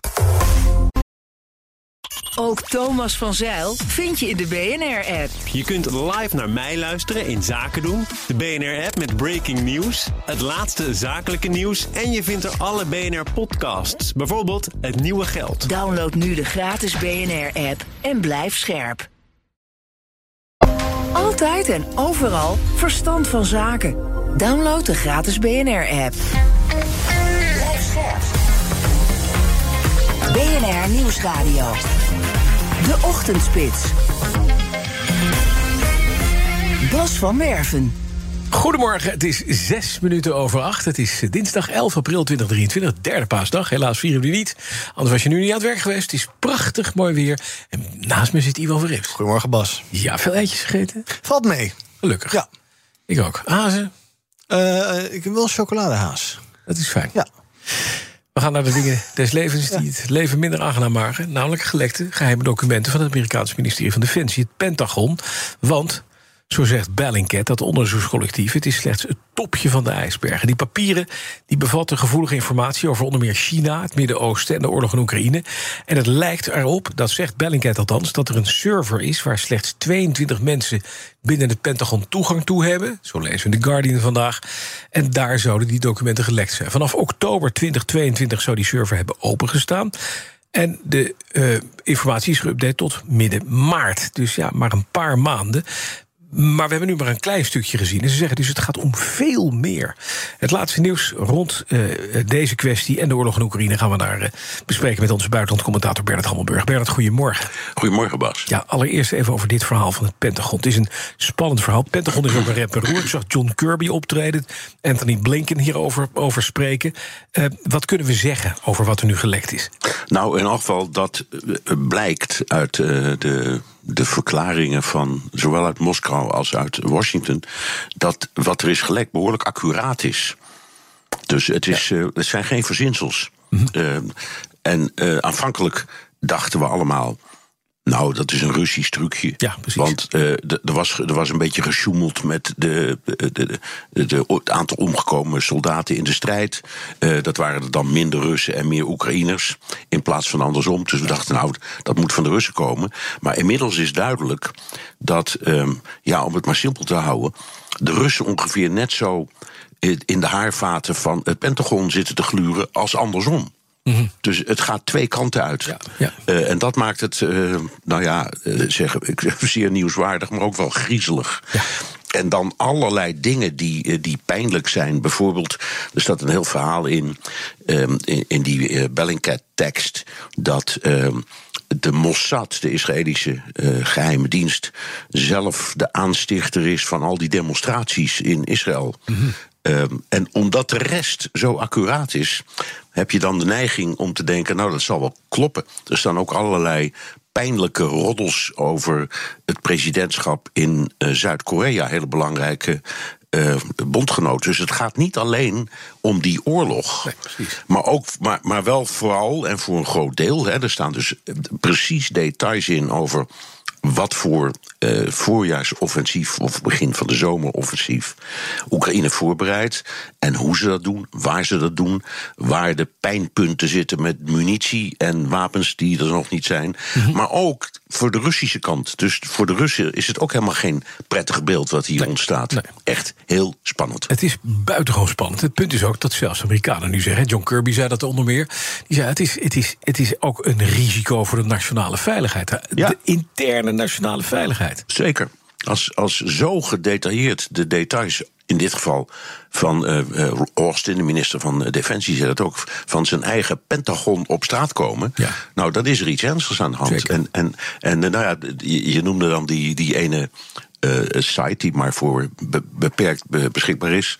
Maar volgens Bellingcat is het dan waarschijnlijk uitgelekt of verspreid via ehm, de platforms van spelletjes, games. ehm, eh, en, en zo de wereld ingekomen. Ja, en het punt is natuurlijk, wie heeft het gelekt? Want Bellingcat zegt inderdaad, is het, het komt van een server... waar maar ja, 20 plus mensen toegang toe hebben. Dus iemand moet daar, wat ik kan me ook niet voorstellen... dat, daar lijkt, dat lijkt het ook niet op dat de Russen die server hebben gehackt. Maar dat er dus een Amerikaan in de hoogste toppen van het Pentagon... eh, dat ding even heeft opengezet, al of niet bewust. Ja, dat is waar. Maar als dat dan is gelekt naar de, de platforms van games... Ja, is gek, hè? dan, is, dan is het voor de Russen ook weer een stuk makkelijker om daar binnen te komen. Zeker. Maar ik weet het niet. Misschien is van die 22 gebruikers er één Rus. Weet je, ik, ik noem kan dat ook zomaar. Ik bedoel, alle, alles kan. Op dit moment is het volkomen onduidelijk. En ehm, nou, er is echt alarm geslagen in, in Washington. Ehm, en ik moest wel lachen om het, ehm, het commentaar van Peskop, de, de, de woordvoerder van eh, Poetin. Ja. Want die zei: ja, eh, iedereen geeft ons altijd de schuld. Dat zal nou ook wel weer gebeuren. Maar wij stellen het op, ons, op het standpunt dat het buitengewoon interessant is wat we hier allemaal lezen. Ja. En wij zijn ook hard bezig om het te analyseren. Want het gaat ook over ons. Ja, precies. Ja. Even naar Bagmoed, want volgens een Oekraïnse commandant zet Rusland dezelfde tactiek in als in Syrië. Maar ja, eigenlijk is dezelfde tactiek als in de Napoleonische oorlog, hè, de verschroeide aarde. Ja, verschroeide aarde. Wat Ja. Hitler ook heeft geprobeerd aan het einde van de Tweede Wereldoorlog. Dat is toen nog door zijn eigen minister Speer tegengehouden. Anders was Duitsland één puinhoop geworden. precies, maar da- ja. precies, ja, dat, dat, dat is de beschuldiging. Ik, ik vind het een, een- in zoverre een, een wat wonderlijk bericht. Omdat als je kijkt naar de beelden van Bachmoed, dat is een ruïne. Dus wat kun je aan een ruïne nou nog vernielen? hè? Dat is, het, is een beetje, het is een beetje vreemd. Ehm, het zou kunnen dat, dat dit gebeurt. ehm, eh, maar waarom is dan niet duidelijk? Want ja, dat, nogmaals, Ja. eh, gebouwen die al plat gebombardeerd zijn, daar hoef je niet nog een keer een bom op te gooien. Nee, zeker. Ehm, de situatie daar is, is in- inmiddels zo volgens eh, binnen- en buitenlandse informatiebronnen dat ongeveer 75% van die ruïne in handen is van de Russen. Maar nog steeds 25% in handen van de Oekraïners. Ze geven niet op en gaan maar door. Dan, de Oekraïnse onderminister van Buitenlandse Zaken is momenteel bezoek in India. Wat, wat, wat bespreekt zij? Want we weten dat India zich eh, buitengewoon eh, oppervlakkig op, opstelt Ja. in deze toestand, Ja. net als de Chinezen. Ja, die heeft een, een, een uitnodiging bij zich van Zelensky aan Modi, de premier, om naar Kiev te komen. In de hoop dat Modi wil proberen om, nou niet echt te bemiddelen, maar misschien een wat sussende rol te spelen. En dat is, ik, ik weet niet of Modi dat overweegt of wil, want hij heeft hele goede banden met de Russen, maar geen slechte banden met Oekraïne. Dus op zichzelf zou, zou, zou dat best kunnen. Ehm, en ehm, ik denk ook dat het een trucje is van Zelensky om te zeggen: joh, we hebben het allemaal over Azië. Als je het over Azië het hebt, heb je het meteen over China. Ja. Maar er is nog een ander heel groot land met evenveel of zo, zo niet meer inwoners. dat wat economie betreft ook heel hard bezig is uh, met een inhaalslag. Dus laten we eens kijken of we die um, een beetje naar onze kant kunnen halen. Althans, een, een soort rol kunnen laten spelen van Susser. En um, nou ja, nou maar kijken of, of Modi erop reageert. Ja, dankjewel voor uh, de toelichtingen. Buitenlandcommentator Bernard Hammelburg. BNR Nieuwsradio. De Ochtendspits. Ja, dan blijkt uit onderzoek dat zo'n 200.000 gepensioneerden tussen de 65 en 80 jaar oud best wel te porren is om weer uh, wat te gaan werken, meldt de Rijksuniversiteit Groningen. En dat zou best wel eens kunnen helpen met ja, een stukje van de krapte op de arbeidsmarkt oplossen. Wat blijkt, hoe jonger de pensionado, hoe groter de bereidwilligheid om dat daadwerkelijk te gaan doen. Werk moet dan wel leuk gevonden worden. Hè. Het is geen moedje, maar gewoon ja, leuk werk. En er is ook een sterke voorkeur voor het zelf bepalen van de werktijden. Waardering voor de werkervaring is een belangrijke, belangrijke pijler. En die onderzoekers zeggen ook dat het aantrekken van gepensioneerden in veel organisaties nog steeds een taboe is. Er zijn ook allerlei ja, misverstanden, hè, want het zijn ouderen, dus die zullen wel vaak ziek zijn. En die zijn duur en die komen niet met hun tijd mee. En al dat soort clichés. Nou, daar blijkt allemaal niet zoveel van te kloppen. En ook hoeven die mensen meestal helemaal niet meer de hoofdprijs te hebben. Overigens, ook nog even goed om te zeggen: drie op de vijf gepensioneerden wil voor geen goud weer gaan werken. Maar sommigen dus wel. En je zou zeggen, benut dat, want uh, dat is uh, goed voor de arbeidsmarkt. Ik zat in mijn oren knopen. Valt niet, nog niet in deze... Nou, nog lang niet. Nee, het duurt nog jaar. We gaan eventjes naar de AWB, uh, naar Erwin de Hart. Erwin, hoe staat het erbij? Het is uh, denk ik het drukste moment. Ik hoop het ook trouwens voor iedereen. 840 kilometer, dat, uh, dat is best wel veel. En uh, op de A10 Koenplein richting de Nieuwe Meer wordt daaraan meegewerkt door een file tussen afrit Volendam en Buitenveldert van 11 kilometer. Door een ongeluk zijn twee rijstroken dicht en de vertraging is 40 minuten. Het druk ook op de A27 Breda-Gorkum tussen Hooipolder en Avelingen. 17 kilometer file. A28 Groningen-Zwolle, 20 minuten erbij bij afrit Nieuw-Leusen. En flitsmeisters zien een flitser langs de A10 Koenplein Watergaasmeer. Hectometerpaal 8,9. BNR Nieuwsradio. De Ochtendspits. Ja, voor de man die alles al heeft. Uh, en ook beseft dat het binnenkort uh, 80 jaar geleden is dat die day plaatsvond. Uh, ja, wat doe je dan? Koop je je volgende Rolex Commemorative? Of koop je een dikke auto? Of ga je in de whisky? Of weet ik van nee. Weet je wat leuk is? Een tank. Een fun volledig functionele, maar niet schietklare tank. En dus ging Martijn de Rijk even een kijkje nemen bij het British American Infantry Vehicles. Het bedrijf uit het Noord-Limburgse Nederweert. Waar Ivo Richter de scepter zwaait. En dat is een restauratiebedrijf wat doet in uh, met name alles wat legergroen is. Ja.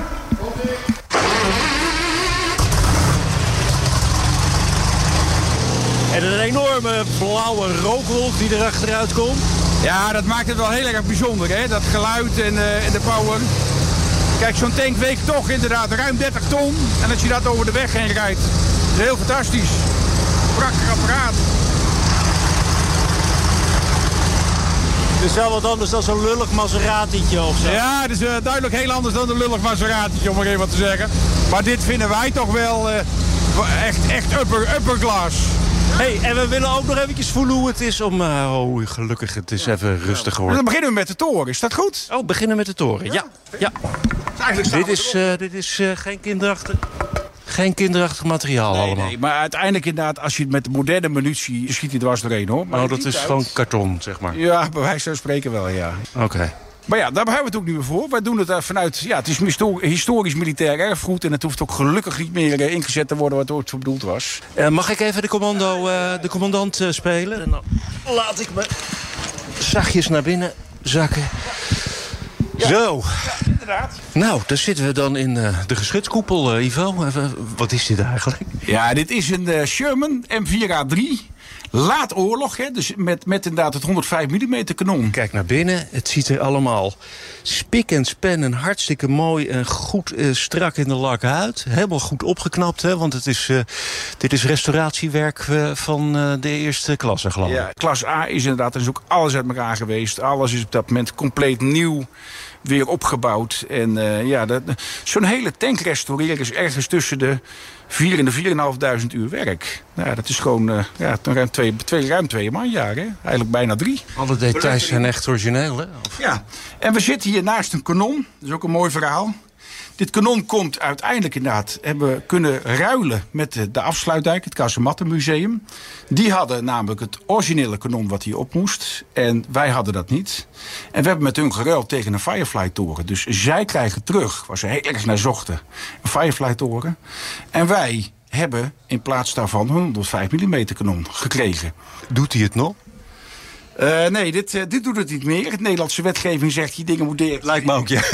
dat lijkt me ook heel verstandig. Ja, wat, wat moet je er ook mee, hè? Je kunt er wel wat mee. Je kunt er wel wat mee. Je kunt op zijn minst inderdaad er heerlijk mee rijden. Het is wel duur, hè? Want zo'n tank loopt ongeveer 6 liter op een kilometer op de harde weg. Mensen die dit soort dingen kopen, dat zijn over het algemeen mensen die van benzine houden en benzinelucht ruiken graag. En die vinden het fantastisch. Met natuurlijk een historische, historische hobby ook. Hè? Dat, dat zijn mensen die hier uiteindelijk voor gaan.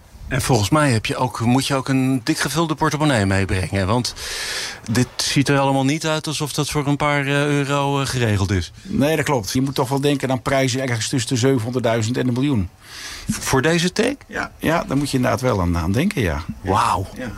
Ja, kijk, aan de andere kant, inderdaad, toen wij nog normaal praten over een inflatie van 2%, gingen deze dingen tussen de 10 en de 12% per jaar omhoog in prijs. Oké, wacht eventjes. Dan heb ik een eh, aardige belegging te pakken dus eigenlijk. Nou, dat heb je zeker, ja. Je kunt ook een Rembrandt kopen. Maar als je dit nou leuk vindt en je stopt hier je geld in, hoef je daar verder niet over in te zitten. Het wordt elk jaar meer waard. En in de Rembrandt kun je niet rijden, hè? Nee, dat is ook nog eens een keer een nadeel. Rembrandt kun je niet rijden, dat kun je hier wel. Je ziet op dit moment ook heel erg dat we naar 2024 toe gaan. 80 jaar geleden die day. En een jaartje later natuurlijk inderdaad bevrijding van Nederland. Hè. Ja, en daar gaan dit soort mensen natuurlijk wel bij willen zijn. Hè. En de blitz maken. En de blitz maken, ja. Start te lopen zo'n dingetje, maar dat je ook. 6 op 1. Hallo, directeur Ivo Richter. is ook wel mooi dat je Richter heet en je tanks verkoopt. Behalve die Sherman is het nog een keur aan historisch legermateriaal te koop. En alles is technisch volledig functioneel. Je kan alleen niet mee schieten. Dat is misschien maar goed ook. Wel lekker geluid voor Petforheads. Je zal maar een lekkere bonus hebben gescoord en denkt... wat ga ik nou deze zomer voor mezelf eens cadeau doen? Kan het er vanaf? Nou, ik denk het eigenlijk wel. Pieter Elbers, de voormalig topman van KLM. Zijn vertrek heeft de luchtvaartmaatschappij 1,9 miljoen euro gekost. Blijkt uit het jaarverslag van KLM, zo schrijft de Telegraaf. Vanwege de leningvoorwaarden van de staat mocht KLM geen bonus uitkeren. Toch kreeg Elbers alsnog een transitievergoeding van 900.000 euro. En dat komt doordat de rechter vorig jaar augustus oordeelde dat Elbers nog recht had op de vergoeding voor zijn 30 dienstjaren bij dat bedrijf. En daarnaast moest KLM nog een bedrag van 600.000 euro betalen voor belastingen over de vertrekvergoeding van Elbers. Plus een prestatiebonus van 350.000 euro voor de coronaperiode. Nou, tel je dat op, dan kom je dus aan die 1,9 miljoen ongeveer. Vorig jaar januari werd bekend dat uh, de topman geen derde termijn zou krijgen. De timing was heel plotseling, wat voor onzekerheid volgde binnen het bedrijf. Elbers mocht ook zijn contract niet uitdienen, hij moest gewoon opzouten. Uh, opmerkelijk trouwens, volgens het jaarverslag is Elbers per 1 oktober uit dienst getreden. Terwijl door KLM werd gecommuniceerd dat het per 1 juli vorig jaar was. Nou, er is dus een paar maanden licht tussen. Verder was het jaarverslag bij KLM wel positief. In 2022, vorig jaar dus, werd een netto winst geboekt van 744 miljoen euro. En dan het IMK, het Instituut voor Midden- en Kleinbedrijf. Dat is bang voor een flink aantal faillissementen dit jaar. En waarom? Nou, de Belastingdienst wacht nog steeds op geld van de Nederlandse ondernemers... die niets aan hun corona-belastingsschuld, dus hun lening, hebben terugbetaald. En dan gaat het om een kwart van alle mensen die een uitkering kregen. Oftewel 64.000 ondernemers. Michiel Hoordijk, directeur van het IMK... Die vindt het nogal een getal. Dat is een uh, kwart van het aantal uh, ondernemers. Van de 270.000 uh, die gestart zijn met de betalingsregeling. En die kunnen dus niks terugbetalen? Of zijn ze gestart met betalen, maar kunnen ze het eenvoudigweg niet? Ja, of dat zijn nog niet gestart met betalen. Dat is juist deze groep. Ja, ja. De andere driekwart is wel gestart met, met betalen. Ja, maar deze ondernemers, daarvan is eigenlijk niet bekend eh, hoe ze ervoor staan, want ze hebben zich gewoonweg nog niet, nog niet gemeld. Dus het kan heel goed zo zijn dat ze druk bezig zijn met uh, gewoon de normale, de alle andere lasten te voldoen. De huur en de, de handelscrediteuren en de salarissen. Binnenkort vakantiegeld. Um, maar dat uh, ja, de, de, de urgentie bij de belasting um, ja, nog ergens boven hun hoofd hangt. Ja. Weet u ook welke sectoren met name uh, onder die 64.000 bedrijven zitten? Waar moet je dan aan denken? Moet je dan kijken naar de horeca bijvoorbeeld? Ja, horeca en, uh, en uh, retail. vooral de sectoren eigenlijk die te kampen hebben gehad met, met de lockdowns ja. tijdens corona. Ja, en meneer Hoordijk, we kunnen dan wel stellen dat zijn ook de bedrijven waarvan we eerder al zeiden... dat zijn mogelijk zombiebedrijven die nu worden overeind gehouden... met staatssteun, met, met een, een, een lening, vooruitgeschoven lening. Uh, en ja, die krijgen nu de klappen alsnog. Nou, het zijn zombiebedrijven op het moment dat ze toen ze dat geld kregen... niet levensvatbaar waren. En ja. dat is de vraag. Mm -hmm. Kijk, ze betalen nu nog niet de, de, de uitstelregeling. En daar moet zeker iets mee gebeuren. Dus het is juist van groot belang dat deze ondernemers zich nu gaan melden... Ja. en in gesprek gaan met mensen die juist hun situatie goed kunnen inschatten. En van daaruit bekijken of dat ze ja, beter kunnen stoppen. Of dat er misschien toch nog een regeling te treffen valt. Ja, dat moet je dat met de Belastingdienst gaan afkaarten. Lijkt me lastig, want dan komt er toch uiteindelijk een verhaal. Heel veel druk op de Belastingdienst. Maar dat is niet niks, 64.000 stuks. Uh, wat, wat als je het gesprek niet aangaat? Dan gaat gewoon de stekker eruit dus.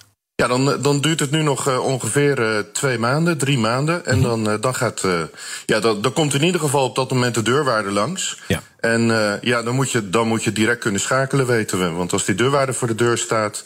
Ja, dan betekent dat dat hij geld komt ophalen. Ja, dat, dat is nogal wat. Om hoeveel geld zou het gaan? Stel dat we dit moeten afschrijven. Dit is iets wat de belastingbetaler moet gaan opbrengen. Hè? Hoe, over hoeveel geld praten we dan? Ja, dit is alles bij elkaar 2,5 miljard. Uh, uh, wat, wat over deze mensen open staat op dit moment nog. Zo, dat is nogal wat. Um, ja.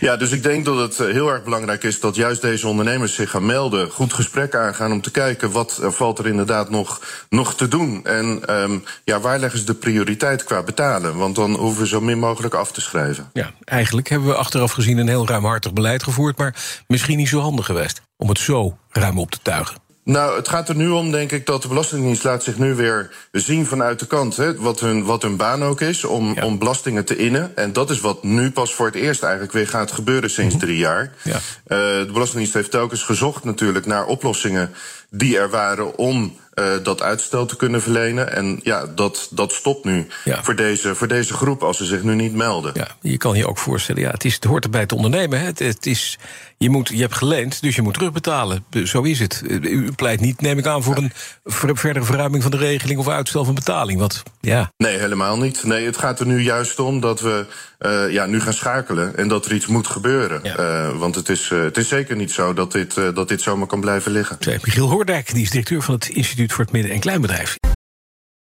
Ook Hugo Reitsma vind je in de BNR-app. Superhandig die BNR-app. Je kunt alle programma's live luisteren, breaking nieuwsmeldingen. Je blijft op de hoogte van het laatste zakelijke nieuws. En je vindt er alle BNR-podcasts, waaronder natuurlijk de belangrijkste, Boeken zijn in de wijk. Download nu de gratis BNR-app en blijf scherp. Blijf scherp. BNR Nieuwsradio. De Ochtendspits. Bas van Werven. Zes over half negen. Goedemorgen. Het is 11 april 2023. Dinsdag. De zon schijnt uitbundig. En naast me zit Ivo Verrips. Dag Bas, goedemorgen. Je hebt nieuws over het IMF. Hè? Paul Hilbers, de Nederlandse bewindvoerder van het IMF, althans. Ja, die zegt tegen persbureau ANP dat we niet zo somber moeten doen over de Nederlandse huizenmarkt. Volgens hem bestaat het gevaar dat de prijzen nog harder gaan dalen vanwege het negatieve sentiment. En daarom dringt hij erop aan dat de toezichthouders de situatie op de woningmarkt goed in de gaten houden. Afkoeling van de huizenmarkt is volgens de bewindvoerder positief geweest, omdat ja, de huizenprijzen vorig jaar zo hard waren gestegen. De NVM he, meldde recent nog een prijsdaling van 8,2 procent. Hilbers zegt ook dat de prijsdaling van de huizen afneemt als ook de rentestijging stopt. Door de aanhoudende woningkrapte is de vraag hoog en zullen de vraagprijzen niet heel hard dalen. Maar hij ja, zegt dus, uh, wil dus enige waakzaamheid als het gaat om te negatief sentiment, want dat is ook ja. niet goed voor die prijzen dus. Nee, nou, voor sentiment gesproken, er is nog iets anders wat aan de hand is met die woningbouwmarkt. Tenminste, dat zit er aan te komen. Er zou een fiscaal voordeel voor de kopers en verkopers van nieuw vastgoed ook woningbouw onder druk kunnen zetten. En ook dat is slecht voor die woningmarkt. Opnieuw een bedreiging voor de ambitieuze woonplannen van woonminister Hugo de Jonge. Want projectontwikkelaars die waarschuwen dat de bouw van honderden huurwoningen op de tocht staat. Dat weten we al. Maar hoe die situatie ontstaan is en wat het fiscale voordeel nou voor pijn kan geven aan die woningmarkt, hoor je van onze collega Laurens Berendsen, die vandaag dit artikel in de FT schreef. Als er nieuwbouwprojecten worden gerealiseerd, met name in de huursector, dan uh, de projectontwikkelaars verkopen dan zo'n uh, zo'n project aan beleggers die het gaan verhuren. Mm -hmm. En dan is over die verkoop is geen BTW verschuldigd. Oké. Okay. Tenminste, als zo'n nieuwbouwproject is ondergebracht in een BV. Want dan worden niet de stenen, dus niet het uh, vastgoed aan mm -hmm. zich, zeg maar, verkocht. Maar het bedrijf. Maar dan worden de, aande de aandelen worden verkocht in, in die BV. En over aandelen is dan geen BTW verschuldigd. Mm -hmm. En dat is dat, dat is dat belastingvoordeel als je dus nieuwbouw verkoopt via zo'n BV. Ja, nou, de, en, en nu wil het kabinet een eind eraan maken. Wat, wat levert dat de schatkist uh, op op het moment dat je dat fiscaal voordeel weghaalt? Nou, dat levert de schatkist ongeveer 150 uh, miljoen euro per jaar op, is de schatting. Hmm. Um, en en het, het, het, kabinet zegt, nou, het gaat ons niet zozeer om dat geld... Maar het gaat ons om de ongelijke fiscale behandeling. Mm.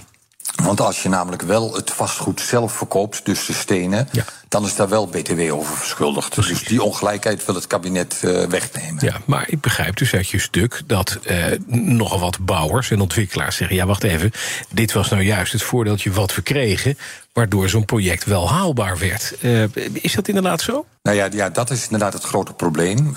kijk, de woningmarkt verkeert al in de problemen. Mm -hmm. um, stikstof, uh, de, de oplopende rente. Dus de timing vindt, vinden de bouwers en de projectontwikkelaars heel uh, ongunstig omdat met name nu huurwoningprojecten die worden stilgelegd. Ja. daar ontstaat onzekerheid. En het is ook nog zo dat de maatregel die het kabinet neemt, volgens de bouwers en de projectontwikkelaars, leiden tot een veel hogere belasting dan de 21% BTW die je verschuldigd bent over een verkoop. Oké. Okay. Dus aan, aan twee kanten komt het heel slecht uit uh, op dit moment. Ja, en dus zijn ze, zijn ze nogal, nogal terughoudend om dit te doen. En als, aan de andere kant zie je dan, ja, belastinggelijkheid, dat is best belangrijk. Maar 155 miljoen is dan ook niet echt een opbrengst voor de staatkas waar je van gaat juichen, hè? Nee, dat, om, dat, de, om dat geld uh, dat zal niet echt het probleem zijn. Nee. En, en, en dat, dat wordt ook naar voren gebracht. Aan de ene kant wordt gezegd van, uh, nou de overheid doet er alles aan om de ambitie waar te maken om in 2030 900.000 nieuwe woningen te hebben. Ja. Trekt daar soms ook geld voor uit. En nu wordt er dan zo'n fiscale maatregel genomen die daar juist weer haaks op staat. Ja, wat zeggen fiscalisten hierover eigenlijk? Nou, fiscalisten die zeggen ook met name van... Uh, kijk, die, die, die bouw, dat is voor fiscalisten verder niet zo relevant. Maar die zeggen wel, en die bevestigen ook... Van, uh, dat de manier waarop uh, financiën dat wil aanpakken... dat dat tot een onevenredig zware belastingdruk leidt. Dus dat je juist het omgekeerde effect krijgt... en dat je zometeen beter de stenen dan de aandelen in zo'n BV kunt verkopen. -hmm. Dus, dus die, hebben, die hebben daar eigenlijk ook geen goed woord voor over. Nee. Omdat, uh, ja, nou ja, het wordt een onevenredig zware belastingdruk voor dit soort. Uh, voor dit soort transacties. Precies. Nou, eerst komt dit uit de koker van staatssecretaris Marks van Rij van Financiën. Die zal ook door de deur moeten. En ik zei het al even in de, in de, in de aanloop naar dit, uh, dit verhaal. Met Hugo de Jonge, de woonminister. Die krijgt er weer een, een beetje hoofdpijn bij. Ja, ja. Nou ja, ik heb natuurlijk ook gebeld met het ministerie van Financiën of zal uh, mm-hmm. commentaar konden geven op de reacties die, uh, die uit de praktijk komen. Ja. Maar daar wordt ook inderdaad opgemerkt van, uh, nou het wetsvoorstel is, het ligt nu in concept klaar. Mm-hmm. Maar voordat het wetsvoorstel wordt ingediend, zal er inderdaad ook nog met minister De Jonge gesproken moeten worden. Dus nou ja, het is even afwachten van of, of, het, of het inderdaad gaat gebeuren. Ja. En de bedoeling is dat het trouwens per volgend jaar wordt ingevoerd, dus vanaf 1 januari. Dus, uh, maar goed, dat worden we waarschijnlijk in het voorjaar uh, komen dat te weten of het wetsvoorstel uh, doorgaat of niet. En dat is Laurens Berends, collega van het FD. BNR Nieuwsradio, de ochtendspits. MKB-bedrijven zijn de belangrijkste slachtoffers van de recente rentestijgingen. En dat komt omdat leenkosten voor kleinere leningen veel sneller stijgen dan die voor grotere kredieten, schrijft het FD vandaag. En dus zegt ook de Nederlandse bank: ja, het feit dat MKB'ers vaker kleinere leningen afsluiten, dat impliceert dat zij dus eh, harder worden getroffen met die eh, stijging van de rente dan het grootbedrijf. En dat blijkt ook nog eens uit cijfers van het CBS. Nou, dan is het helemaal driedubbel gevalideerd. Want ondernemers die gaven eerder nog aan dat zij in 2023 over het algemeen iets meer wilden gaan investeren. Maar kleinere ondernemers die rekenen juist op een daling van investeringen. En dus zeggen de belangenclubs, bijvoorbeeld MKB Nederland, dat ja, financiering van MKB al langer problematisch is en dat dat alleen maar dreigt te verergeren. Ze spreken nu van een absoluut zorgelijke situatie. En eh, ook eh, Lex van Tevelen, lector MKB-financiering aan de Hogeschool Utrecht, die zegt dat die rentestijgingen op een slecht moment komen. Want ja, al die bedrijven zitten in allerlei transities. Dan wel vrijwillig, dan wel verplicht. Maar ja, kapitaal wordt dus duurder. En dat gaat naar zijn idee leiden tot een vertraging als het gaat om duurzaamheid, energiebesparing, dat soort zaken. En dat ziet dus ook MKB Nederland. Ondernemers hebben twee crises achter de rug, krabbelen weer op, hebben nog wel problemen met solvabiliteit en liquiditeit. En ja, geld lenen wordt dus duurder. En zeker voor die MKB'ers. En aan de andere kant heb je weer allerlei uitdagingen op die gebieden die ik net noemde. Helpt dus allemaal niet mee. En dan gaan we even naar dit, want de overconsumptie van, uh, van vlees... dat kost ons als maatschappij jaarlijks 1,1 miljard euro... alleen aan ziektekosten, zegt onderzoek van de Wageningen Universiteit. En dat deden ze een opdracht van de TAPP-coalitie en de Vegetariërsbond. En dan is er gekeken naar wat heeft dit voor impact op diabetes, darmkanker en hart- en vaatziekten. Rood vlees, daar geldt een aanbevolen hoeveelheid van maximaal 6 kilo per persoon... maar wij eten met z'n allen 30 kilo per jaar. Vijf keer zoveel dus. En dat betekent dus dat uh, uiteindelijk uh, de zorg die daar door ontstaat... moet betaald worden door onze premies. En daarom zegt die TAPP-coalitie... er moet een vleestaks komen.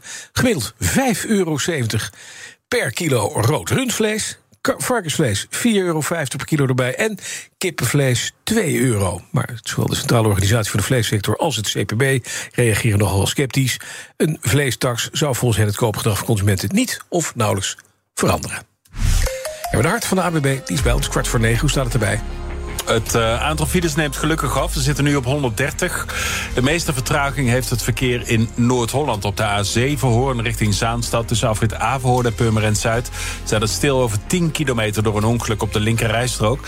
A10 Koenplein de Nieuwe Meer tussen Landsmeer en Buitenveld. Op 13 kilometer stilstaand verkeer door een ongeluk. Nog steeds twee rijstroken dicht. Er moeten drie auto's worden geborgen. Uh, de omrijders staan in een half uur file. Tussen uh, afrit Volendam en Koentunnel. En op de A44 Amsterdam richting Den Haag. Tussen Oestgeest en Wassenaar Centrum 4 kilometer stilstaand verkeer. Het staat daar hartstikke stil. Uh, de flitsers dan op de A4 Den Haag-Amsterdam bij hectometerpaal 20,9. BNR Nieuwsradio. De Ochtendspits. Bas van Werven. Filetax, zou een goed idee zijn. Filet. Oh. Filet Oh. Zo'n soort vleestaks met een anders. We moeten op onze eigen benen staan, zegt Emmanuel Macron. Dat zei hij in een interview met Politico... terwijl hij op weg was in het vliegtuig vanuit China naar huis. En daar heeft toch iedereen van gezegd... ja, wacht eventjes, hoe zit dat dan precies? Wat wil u daar dan mee? Wat bedoelt u? Hij, hij kreeg dan de stok met uh, de Amerikanen. Want zij, ja, Europa moet op zijn eigen benen staan. Maar ook met zijn Europese collega's. En volgens Europa-correspondent Stefan de Vries... Uh, komt dat inderdaad door dat interview wat hij gaf in het vliegtuig terug naar Parijs. Politico, de Amerikaanse website, heeft daar citaten uitgehaald die wat verder gaan dan het interview in het Franse dagblad Les Echos. Hij heeft gezegd dat het niet in ons belang is om een crisis op Taiwan te bespoedigen uit angst voor een Chinese overreactie. En uh, hij zei ook: het ergste wat Europa zou kunnen doen is het voorbeeld te volgen van de Amerikaanse agenda. En Amerika natuurlijk is erg gericht op de verdediging van Taiwan. Met andere woorden, we moeten op onze eigen benen staan. Uh, en ja, dat heeft toch wel tot wel wat verbazing geleid. En niet alleen in Washington, uh, maar ook aan onze kant van de oceaan. Ja, en vandaag is hij dan in Nederland. Um, ja. ja. Wat gaan we daarvan? Wat, gaat hij dit herhalen? Gaat hij het ontkrachten? Wat, wat verwacht je? Nou, ik, ik denk dat, dat dit eigenlijk een soort inleiding is wat hij, wat hij vanmiddag gaat uh, vertellen. Hij is inderdaad twee dagen op staatsbezoek, komt zo meteen aan om een uur of half elf in Amsterdam. Maar vanmiddag in Den Haag geeft hij een, grote speech. En dat is niet toevallig daar, want het is precies 75 jaar na het congres van Den Haag. En daar spraken toen allerlei grote namen, onder wie Winston Churchill en Konrad Adenauer, over de toekomst van Europa. Nou, dat gaat Macron dus ook doen. In de kringen van het Elysée hoopt men dat dit echt een speech is die de geschiedenis in zal gaan uh, van Europa. Hij gaat uh, vermoedelijk pleiten voor meer integratie. En dan met name op het gebied van technologie en defensie. Allemaal ook om onafhankelijk te worden van China en de VS. Met als doel om van de EU het derde grote geopolitieke blok te maken. Dus een zeer ambitieus bezoek uh, vandaag en morgen aan Nederland. Ja, nou was hij vorige week ook in China met Ursula von der Leyen. Ja. Leyen hebben we nog gezegd. Het is good cop, bad cop. Hij was dan de good ja. cop, zij was de bad cop. Zouden ze dit overlegd hebben? Want dit is wel iets waarbij de, de, de president van de, een van de grootste economieën van Europa dit roept. Maar ja, met alle respect, het is niet Ursula von der Leyen die dit zegt. Nee, nee, nee. Ik denk wel dat Ursula von der Leyen uh, gekend is in wat Macron vanmiddag gaat vertellen. Maar ja, wat er in het vliegtuig is gebeurd, daar was ze vast niet van op de hoogte. Ursula von der Leyen vorige week natuurlijk in Beijing een stuk strenger dan Macron. Uh, de noodzaak voor strategische autonomie, want daar gaat het allemaal om. Hè. Uh, Europa moet op eigen benen staan. Die wordt wel gedeeld. Ja. Het is ook een term die het kabinet Rutte heeft opgenomen in het coalitieakkoord. Mm -hmm. Maar ja, hij, hij, hoe hij dat doet en welke woorden hij koos, daarmee zet hij zich af tegen Amerika. Uh, de Amerikanen zijn echt boos. Uh, ze noemen Macron zelfs uh, geopolitiek naïef. Maar ja, de Chinese staatsmedia die reageren verheugd. Dus nou, dat heeft hij dan weer wel bereikt. Ja. Maar niet tegen de zin van von der Leyen. Nee, precies. En het punt is natuurlijk wel een beetje. Het is een beetje raar. Want, want we ja. weten ook dat von der Leyen met het, het hele verhaal Taiwan expliciet gezegd heeft: jongens, pas op, niet aan Taiwan komen. Want dan heb je een probleem. En Macron ja, neemt er gewoon afstand van. Nee, zeker. Die, die reis naar Beijing is, is echt heel raar van de afgelopen week. Het was bedoeld om Europese eenheid uit te stralen. Maar uiteindelijk hing von der Leyen er maar een beetje bij.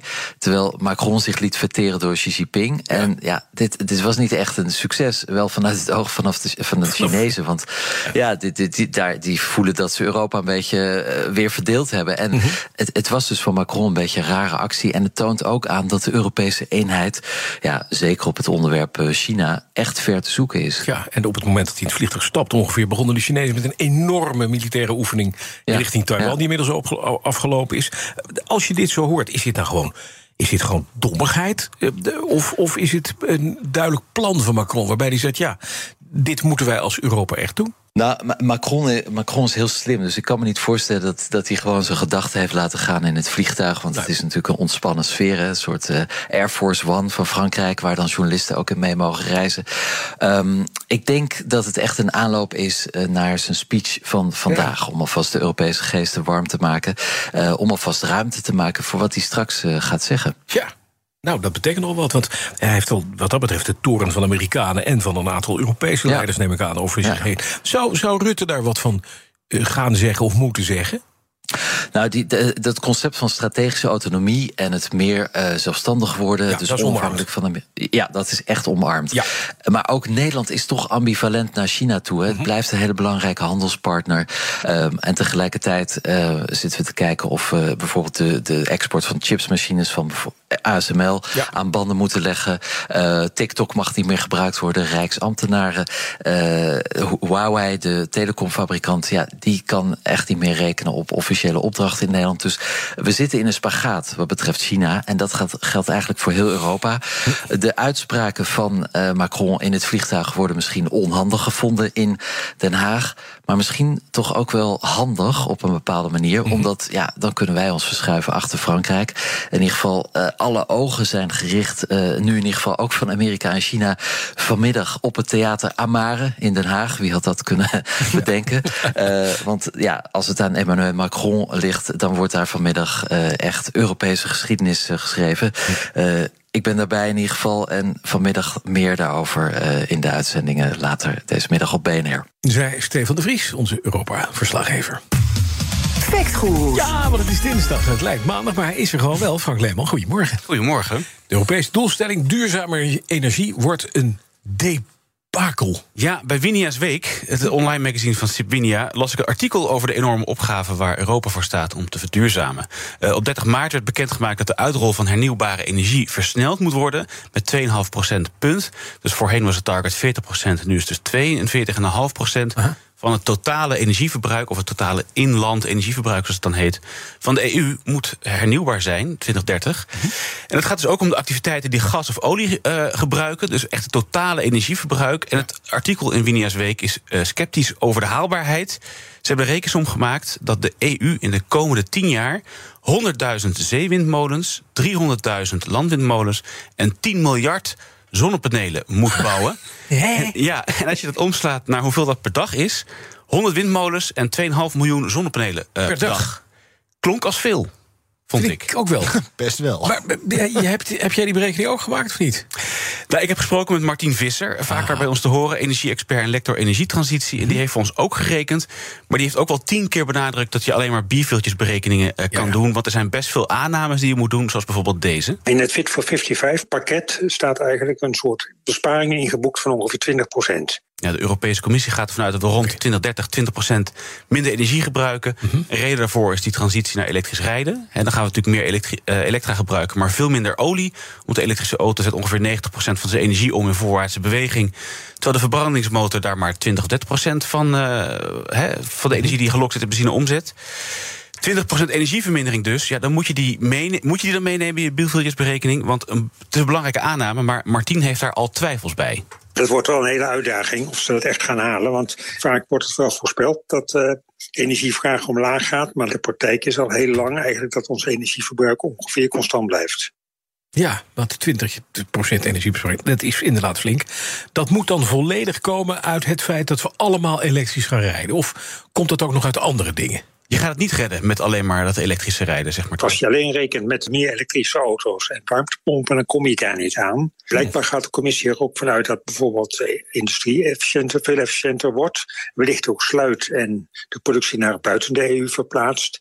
En ook dat bijvoorbeeld woningen zeer goed geïsoleerd gaan worden de komende zeven jaren. Nou, en zeven wel, jaar? Ja, nee, precies. En ook welke rol biomassa zal blijven spelen. Voor de rekensom zijn wij, net als bij Winia's Week, even uitgegaan van alleen zon en wind.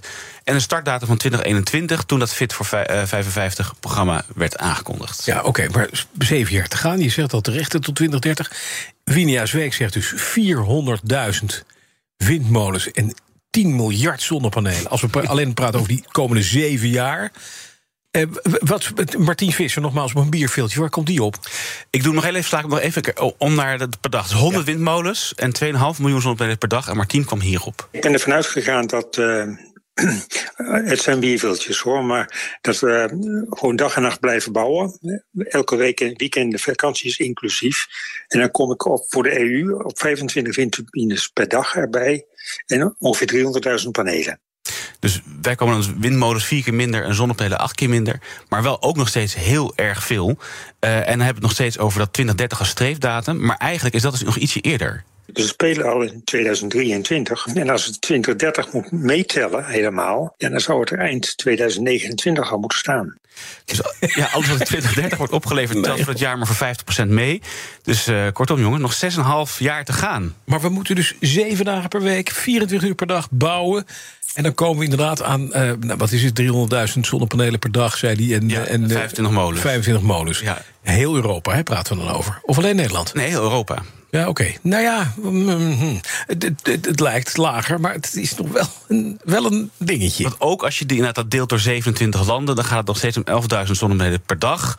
Uh, uh, per land. En Nederland ja. doet nu ongeveer 900 panelen per dag. Oh, die halen dus. Je, nou ja, je kan het ook nog anders uitdrukken. Als je nu kijkt, de EU doet ongeveer 0,3% per jaar erbij aan wind- en zonne-energie. Dus onthoud even die 0,3 procent. Mm -hmm. Want dat moet dan dit worden. Ja, als we de 42,5 procent willen bereiken met alleen de groei van zon en wind, ja, dan moet dat aan meer dan 2 procent per jaar. Dus dan is het 7 of 8 keer zo snel als we afgelopen vijf jaar hebben gedaan. En de verwachting is wel dat het sneller gaat. We zien ook in Nederland dat het allemaal steeds sneller gaat. Maar ja, een factor 8 uh, is wel heel veel. Ja, en dan het verhaal in de, de, de webpagina van Sibinia. Dat artikel, klopt het? Nou, die getallen zijn wellicht een beetje overdreven. En, want zelfs als we die 20% energievermindering... als we dat lager maken naar 6,5%... dat heeft de PBL uitgerekend voor, voor Nederland. Dus dat plakken we dan even op Europa... Ja. Er komt er 50% bij die getallen per dag. Maar ja, dan zit je nog lang niet aan die 2,5 miljoen per dag die ze bij, bij Winia schreven. Maar goed, die getallen wat te hoog. De schier onmogelijke uitdaging die ze schetsen, die is wel terecht. En want we hebben natuurlijk alleen maar over het plaatsen van die kringen. Maar je moet ook nog vergunningstrajecten, leverbaarheid van bronmaterialen,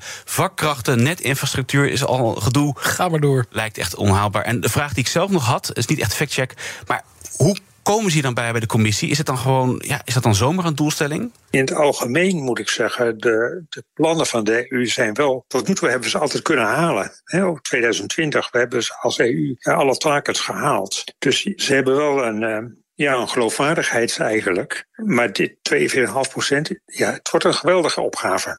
Ja, geweldige opgave. Ik moest zelf een beetje denken aan bijvoorbeeld als je de sportschool gaat... en zeg je moet je 30 keer uh, opdrukken. Dan maak ik het in mijn hoofd altijd kleiner. Weet je? Dan doe je doe, uh, zes setjes van vijf. Oh nee, dat is nog steeds veel. Dan doe ik acht keer, doe ik drie. Oh nee, en dan heb ik eentje over. Nee, dat is nog steeds veel. Dat is hierbij ook. Of je nou, hoe je het ook deelt, het blijft, het blijft hartstikke veel en moeilijk te halen. Dat is erg moeilijk te halen, ja. Fact Guru Frank Leeman, elke dinsdag. Is jouw team... Ook Diana Matroos vind je in de BNR-app. Ja, inderdaad. Je kunt live naar mij luisteren tijdens de Big Five. Ook handig in de BNR-app. Breaking nieuwsmeldingen, maar ook het allerlaatste zakelijke nieuws. En je vindt in de app alle BNR-podcasts, waaronder Wetenschap Vandaag. Download nu de gratis BNR-app en blijf scherp. Altijd en overal op de hoogte blijven. Download de gratis BNR-app. BNR Nieuwsradio. De Ochtendspits. Bas van Werven. 7 over 9. Goedemorgen. 11 april 2023, dinsdag. Iwan Verrips, goedemorgen. Dag Bas, goedemorgen. Gaat steeds slechter met de wereldeconomie. De economische groei daalt. De inflatie is in veel landen weliswaar wat afgenomen. Ondanks alle renteverhogingen, maar die blijft nog steeds hoog. En daarom lijkt het erop dat de centrale banken het rentewapen gewoon achter de hand houden om weer in te zetten als die inflatie niet verder teruggeduwd wordt. Alleen dat kan weer leiden tot afremming van economische groei en uiteraard tot stress in het financieel systeem. En dat is een beetje de vraag. Waarover ga je het dan hebben? Waar ga je op inzetten? Het IMF en de Wereldbank vergaderen deze week over de aanpak.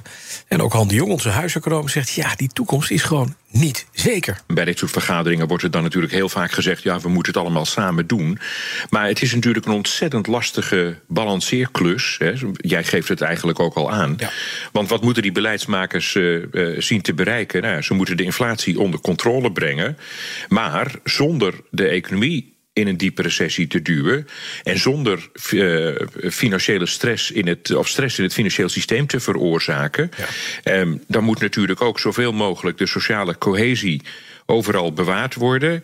En ja, dat moet dan allemaal gebeuren tegen een achtergrond van... ja, we hebben natuurlijk toch ook nog een oorlog. Ja. Er zijn andere geopolitieke spanningen. Um, en er dreigt ook, en dat zie je toch ook wel op de agenda van de bijeenkomsten... in Washington deze week uh, terugkomen. Er dreigt toch een versnippering van de mondiale economie. Dus ja, het, het valt allemaal niet mee. Nee, zeker. Dat, en de belangrijkste dilemma's die, waar die beleidsmakers daarvoor staan... Hè, want die moeten inderdaad dus gaan wikken en wegen, je zei het al. Het is een ja. balancing act... Uh, maar daar gaat het ook onder meer, neem ik aan, over hoe gaan we dat rentewapen inzetten.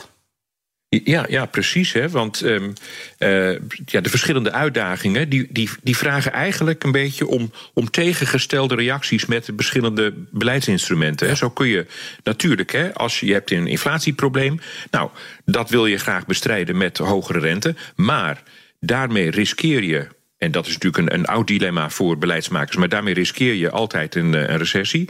Maar wat er nu dus bij komt is dat die rente zo hard is gestegen. dat je, dat je toch ook dus inderdaad ja, financiële instabiliteit, stress in het financieel systeem.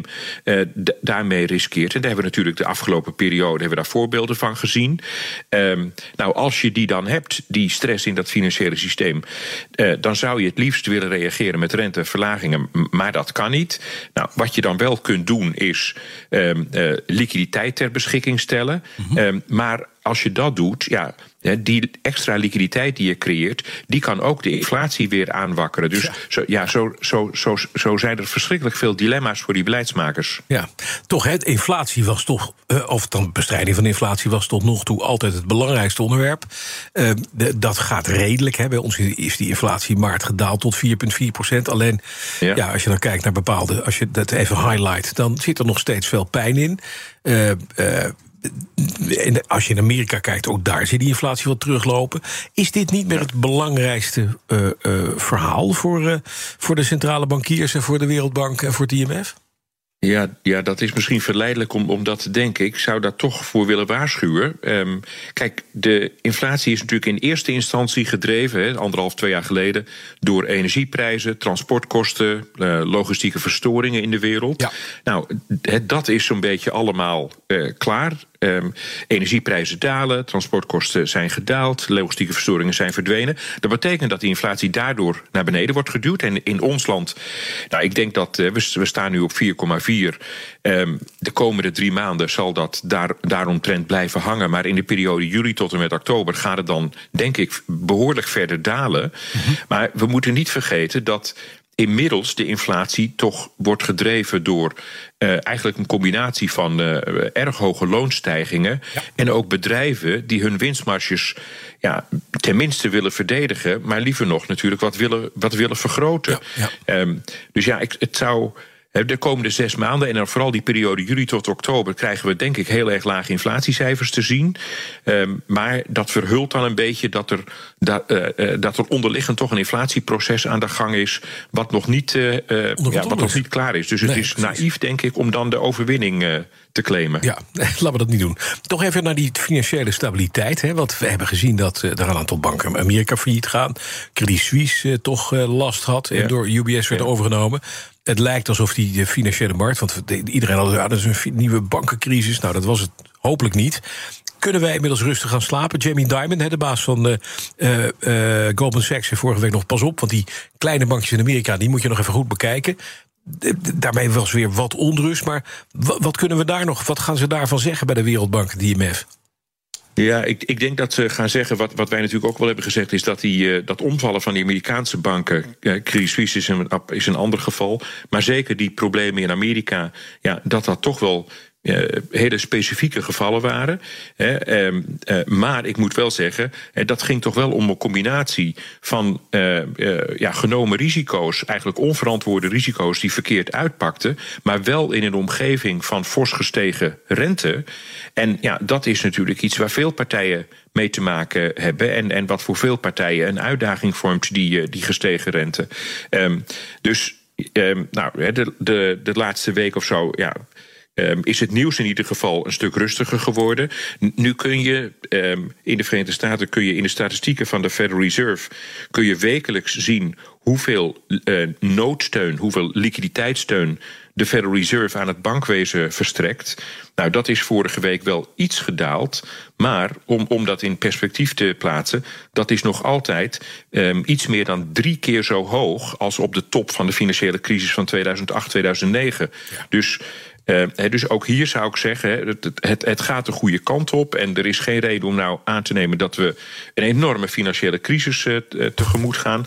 Maar het is ook weer een beetje naïef om te denken dat we alle problemen achter ons hebben gelaten. Ja, dat is toch wel een beetje deodorant aanbrengen af en toe. Han Jong zei dat, huiseconoom van BNR. BNR Nieuwsradio, de ochtendspits. Ja, nieuws over de topman van het Zweeds pensioenfonds Alecta. Want die moet per direct stoppen ja, en vertrekken ken je misschien niet, maar dat nee. is meneer Magnus Billing. En dat uh, zou normaal niet zo interessant zijn, waar het niet dat er 2 miljard dollar aan investeringen is verdampt door die onrust bij banken in Amerika. En die investeringen werden gedaan in, let op, Silicon Valley Bank, Signature Bank en First Republic Bank. Ja, geen ander pensioenfonds had zoveel geld in die banken geïnvesteerd als dat Alecta. Het pensioenfonds had al laten weten dat ze moeite had om die ja, klap op te vangen. Gaven eerder al aan dat ze wilden minderen met grote investeringen in markten ver buiten Zweden. En om het vertrouwen van de leden verder te herstellen, is dus die topman Magnus Billing vorige week al met verlof gestuurd. En nu mag hij nog één keer terugkomen om zijn verhuisdoos op te pakken, zijn foto's van zijn kinderen erin te zetten en definitief te vertrekken. Hij wordt tijdelijk opgevolgd door zijn plaatsvervangend topvrouw, dat is Catharina Torslund. Het wervingsproces voor een nieuwe baas is al opgestart. En tot die tijd is mevrouw Torslund dus daar de baas. En dan een onderzoek van de Rijksuniversiteit Groningen. Die wijst uit dat 200.000 gepensioneerden, mensen tussen de 65 en 80, op zich best poor zijn om weer aan het werk te gaan.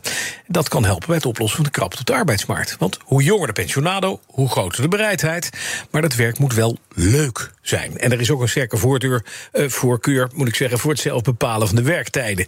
Het ook met de voordeur te maken. En er is waardering voor de werkervaring Ook dat is een belangrijke pijler. Dus het moet leuk zijn, het moet een mooie ervaring opleveren... en je moet zelf een beetje kunnen indelen wanneer je wil werken. Maar wel heel mooi dat die gepensioneerden dus aan het werk willen. Twee op de vijf, hè. drie op de vijf wil absoluut geen moment meer aan het werk.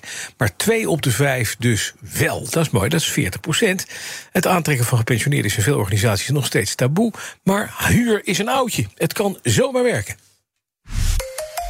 En de hart van de AWB, kwart over negen. Hoe staat het erbij? Ja, het staat, uh, staat er goed bij. Ook uh, oude auto's waarschijnlijk in de file op de A1 Amersfoort richting Amsterdam. Tussen Hilversum Noord en Knoop het Watergaasmeer. 21 kilometer, best veel vertraging. Het komt allemaal door een ongeluk op de A10 bij Buitenveldert. Daar is de weg weer vrij en uh, de vertraging op de wegen neemt langzaam af. Ook op de A10 Watergraafsmeer, de Nieuwe Meer bij de Koentunnel. 6 kilometer, 20 minuten vertraging. A7 Horen-Zaanstad tussen afrit Averhoorn en Purmerend Noord... een half uur vertraging over 6 kilometer. De rest van het land lost de spits ook verder op.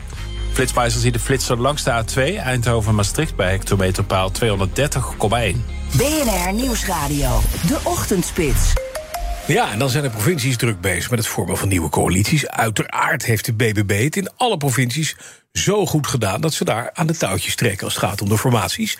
Maar wat valt nou op? Nou, politiek verslaggever Leendert Beekman die maakt even een rondje langs de provinciale velden. Dat de BBB het voor het zeggen heeft en we kennen hun eisen 2035 en niet 2030 hm. en geen gedwongen uitkopen. Dus aan het eind van de onderhandelingen, Bas voorspel ik je dat we gaan horen dat de provincies zich aan de wet gaan houden. En dat is voor de stikstof, de, stikstofvraagstuk, 2035. Ja, maar de BBB moet formeren, toch met andere partijen, ook al zijn ze de grootste geworden. En, en dus alleen met uh, CDA, uh, bijvoorbeeld? VVD. Ja? ja, het valt op dat VVD, CDA komen mhm. vaak voor in het motorblok, zoals we dat dan nog maar even moeten gaan noemen in die provincies. Maar dan gaan ze zowel over rechts, dus SGP zien we nog wel voorbij komen, zelfs de PVV. Uh, maar ze gaan ook wel over links. Partij van de Arbeid doet in een aantal provincies gewoon mee. Neem bijvoorbeeld Friesland, Utrecht, Noord-Holland. Dus uh, eigenlijk praten ze met alle partijen. Er is alleen één grote afwezige bas. En dat is D66. Mhm. En uh, ja, daar kunnen we toch wel uit concluderen, concluderen dat niet alleen in de Tweede Kamer ja, de sfeer tussen D66 en BBB niet al te best is. Maar dat ze ook in de provincies met elkaar er echt niet uit gaan komen. Nee, Dus uh, D66 doet nergens mee. Dat valt vooral op. Ik hoor PvdA, maar ik hoor bijna niet GroenLinks ook. En dat was toch de linkse wolk, hè? Ja, de linkse wolk. We wisten natuurlijk dat in één provincie, net zoals in de Eerste Kamer, er een gezamenlijke lijst was gemaakt. En dat was Zeeland. En voor de rest waren het allemaal nog eigen lijsten. En nu zien we toch wel in de provincie dat ja, GroenLinks en Partij van de Arbeid zich niet aan elkaar vasthouden. Want hm. in veel provincies mag de Partij van de Arbeid mee gaan praten. En Neem bijvoorbeeld Friesland, Utrecht, zoals ik al zei, Noord-Holland. Alleen in Noord-Holland zit dan ook voorlopig nog even GroenLinks erbij. Dus zij houden zich in ieder geval in de provincies niet aan elkaar vast. En dat heeft toch wel wat tot hilariteit op Twitter geleid. Misschien ook wel een beetje flauw. Van, hè, hoe uh, stevig is dat huwelijk eigenlijk op links dan wel? Maar uh, het is wel opvallend. Uh, ze gaan niet overal samen het provinciebestuur in. Ja, precies. En dat is natuurlijk wel, wel belangrijk. Want als je dan met de helft van de, van de linkse wolk aan tafel zit, gaat hij dan door de knieën voor die eisen van de BBB? Want ja, dat is toch iets wat diametraal anders is dan wat GroenLinks bijvoorbeeld wil of PvdA ook wilde. Ja, zeker. En bij GroenLinks, ik denk dat de inschatting al wordt gemaakt van uh, GroenLinks krijgen we niet op de knieën. Uh, Partij van de Arbeid misschien wel, want het zal nodig zijn, Bas, als je met BBB in het bestuur wil gaan zitten in een provincie, dan mhm. zou je in ieder geval aan die twee eisen die ze doen, dus hè, dat 2030 absoluut niet in de wet mag komen. Nou, daar zegt de provincie natuurlijk niets over, maar dat zij daar niet aan gaan meewerken en ook gedwongen uitkoop niet, ja, dan zou je toch echt aan moeten toegeven. Dus ik heb het idee dat Partij van de Arbeid, in Friesland hoorden we dat eigenlijk al, dat zij ook niet geloven in 2030, hm. dat de Partij van de Arbeid in veel provincies zal zeggen, ja, het is inderdaad onhaalbaar. Ja, dat is wel politiek Den Haag. Inderdaad, je zei het al, die volgen dat met En met name het kabinet zal er niet heel blij mee zijn. Uh, maar ook de oppositie, hè? laat dat duidelijk zijn. Nee, ja, die hebben we vorige week natuurlijk in de Kamer gezien uh, met die motie van wantrouwen richting het kabinet. Dat er uh, rondom stikstof nog heel veel te doen is. En ook vandaag weer, Bas, want het veel besproken bezoek van Timmermans aan, Van der Plas gaat vandaag namelijk plaatsvinden in Den Haag. Achter gesloten deuren in het beveiligde deel van de Tweede Kamer. Dus we gaan uiteraard proberen om daarbij te zijn. Maar ook daar gaan we horen ja, hoeveel ruimte BBB nu eigenlijk heeft. Want Timmermans zou, wel- zou wel naar Van der Plas toekomen om uit te leggen hoe die regelgeving in, eh, in Europa werkt. Maar Van der Plas, die vertrouwt het niet helemaal. Zij zegt van nou, ik wil wel horen of er echt zo weinig ruimte is vanuit Europa. Dus Eh, een bijzonder en belangrijk gesprek in de Tweede Kamer. Want in de Tweede Kamer heeft Van der Plas natuurlijk nog maar één zetel. Maar speciaal voor haar komt dus de eurocommissaris Timmermans naar Den Haag toe. En dat zei politiek verslaggever Leendert Beekman. En niet alleen Timmermans komt naar Den Haag toe. Zo'n beetje, nou, rond dit tijdstip zal hij wel landen op Schiphol. Emmanuel Macron. Ja, rond half elf, geloof ik, kwam hij in Nederland aan. Ja, 11 uur wordt hij ontvangen op de Dam, inderdaad. Ja, en hij gaat met zijn, met zijn vrouw komt hij langs voor een vierdaags staatsbezoek hier. En twee, maar... Ik dacht vier dagen zelfs. Hmm. Het beetje Ik dacht dat Biden vier dagen naar Ierland ging. Oh, dat, dat klopt, ja. Biden is vier dagen in Ierland. Macron is twee dagen in Nederland. Meer dan genoeg. Ja, dus op de Dam inderdaad, met saluutschoten en de hele, hele Absoluut. Nou, En hij houdt vanmiddag een toespraak om vier uur. En daarin gaat hij mogelijk zijn nieuwe visie op Europa geven. Nou, we zijn zeer benieuwd. Uiteraard, onze verslaggever, Europa-verslaggever Stefan de Vries, is daarbij. Dus die ga je ongetwijfeld vanmiddag in de Daily Move horen bij Lisbeth en Kees. Wij gaan even naar dit. Investeringen in Nederlandse techbedrijven zijn met bijna de helft gedaald in het eerste kwartaal van dit jaar, blijkt uit cijfers van de Dutch Startup Association. Techstarters zien al eh, vier kwartalen op rij de investeringen teruglopen, teruglopen, teruglopen en teruglopen. En in de eerste drie maanden van dit jaar zakte dat naar 420 miljoen euro. Slecht nieuws, zegt Maurice van Tilburg, en die is van belangenvereniging TechLeap. betekent voor de sector, zeker voor de bedrijven die bijvoorbeeld eh, de afgelopen jaren geld op hebben gehaald en nu binnenkort weer moeten, eh, dat het eh, gewoon moeilijker wordt en dat ze eigenlijk eh, meer positieve cijfers moeten laten zien om, om echt geld op te halen voor de toekomstige groei. Ja, is dit een beeld wat we echt wereldwijd zien of alleen in Nederland? Het is wereldwijd. Zeker in Amerika zie je dat de waarde van exits, dus mensen die uit techbedrijven stappen, op nog niet op 1% zit van vorig jaar. Dus dat is echt dramatisch. En in Nederland valt het nog mee. We hebben niet zo hele hoge waarderingen. Ehm, maar toch is het voor Nederland ook een, eh, een teruggang. Nou, ja. En hoe, hoe komt het? Weet u dat? Is er een reden te geven waarom die investeringen uitblijven? Is dat koudwatervrees van investeerders en private equity huizen? Kijk, in het algemeen is al een tijdje gewoon, ja, op macro-economisch eh, zaken zijn niet zo goed. Hè, van eh, logistiek, consumentenvertrouwen, et cetera. En nu met de stijgende rente hebben eigenlijk investeerders ook goede alternatieven om makkelijker hè, redelijk rendement te maken. En eh, gaat er minder geld naar dit segment. En zijn ze voorzichtiger eigenlijk. Ik denk eigenlijk dat ze minder eh, risico hoeven nemen. eh, en, en dus ook meer winst willen zien voor het risico wat ze nemen. Ja, nou daar zit natuurlijk wel wat in. Want dan kan je zeggen, god, de waarderingen zijn lager. Dus ik stap voor een lager bedrag in. En het rendement kan hoger zijn. Beetje meer risico bij een start-up. Dat is natuurlijk wel te overwegen waard. Maar ja, dan moet het wel winnen van eh 5% bij de bank, hè? Nee, zeker. En kijk, voor heel veel van die investeerders geldt het ook voor bedrijven waar ze al in geïnvesteerd hebben. Dus dat betekent dat ook die bedrijven in feite minder waard worden. En dat is voor hun lange termijn ook niet gunstig. Nee, nee, precies. Dus nou, komt het nog terug, denkt u, als de rente wat laag gaat en de inflatie loopt wat terug?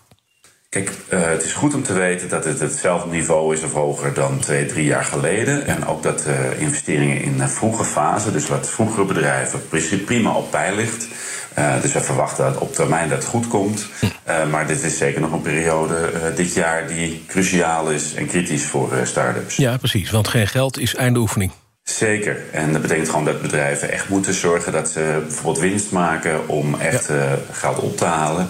En voor een aantal van hun zullen ze hun huidige aandeelhouders moeten uitleggen dat ze in de toekomst eigenlijk voor minder waardering eh, weer geld ophalen, terwijl de vorige voor meer geld zijn ingestapt. Dus dat is ook iets wat eh, dat vraagt wat overtuigingskracht. Ja, om het maar zacht te zeggen. Zij- Maurice van Tilburg, en die is van belangenvereniging TechLeap. En dan nog even naar dit, want misschien worden wij in de toekomst iemand wel vervangen. أنا فضة مذيعة كويت نيوز الافتراضية نبارك للكويتيين صدور مرسوم تشكيل حكومتهم Door deze mevrouw? Dit is Fedda. Het eerste vaste gezicht als nieuwslezer in Kuwait. Dat werkt met Artificial Intelligence bij Kuwait News, een AI-presentator. Het is de zender die als eerste komt met een virtuele nieuwslezer. Waarschijnlijk was er niemand te vinden. Op Twitter plaatste de nieuwszender een video... waarin de nieuwslezer zichzelf aankondigt. Ze heeft blond haar, lichte ogen, draagt geen hoofddoek. Typisch Kuwaiti.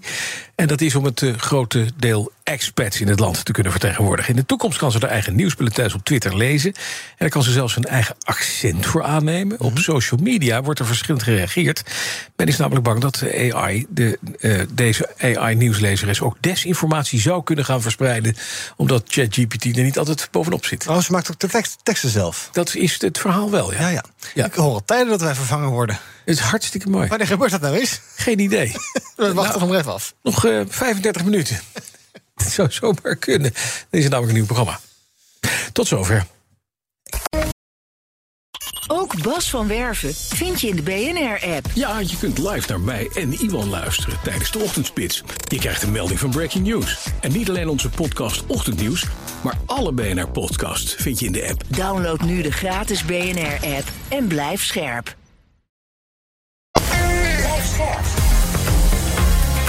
BNR Nieuwsradio. De Ochtendspits.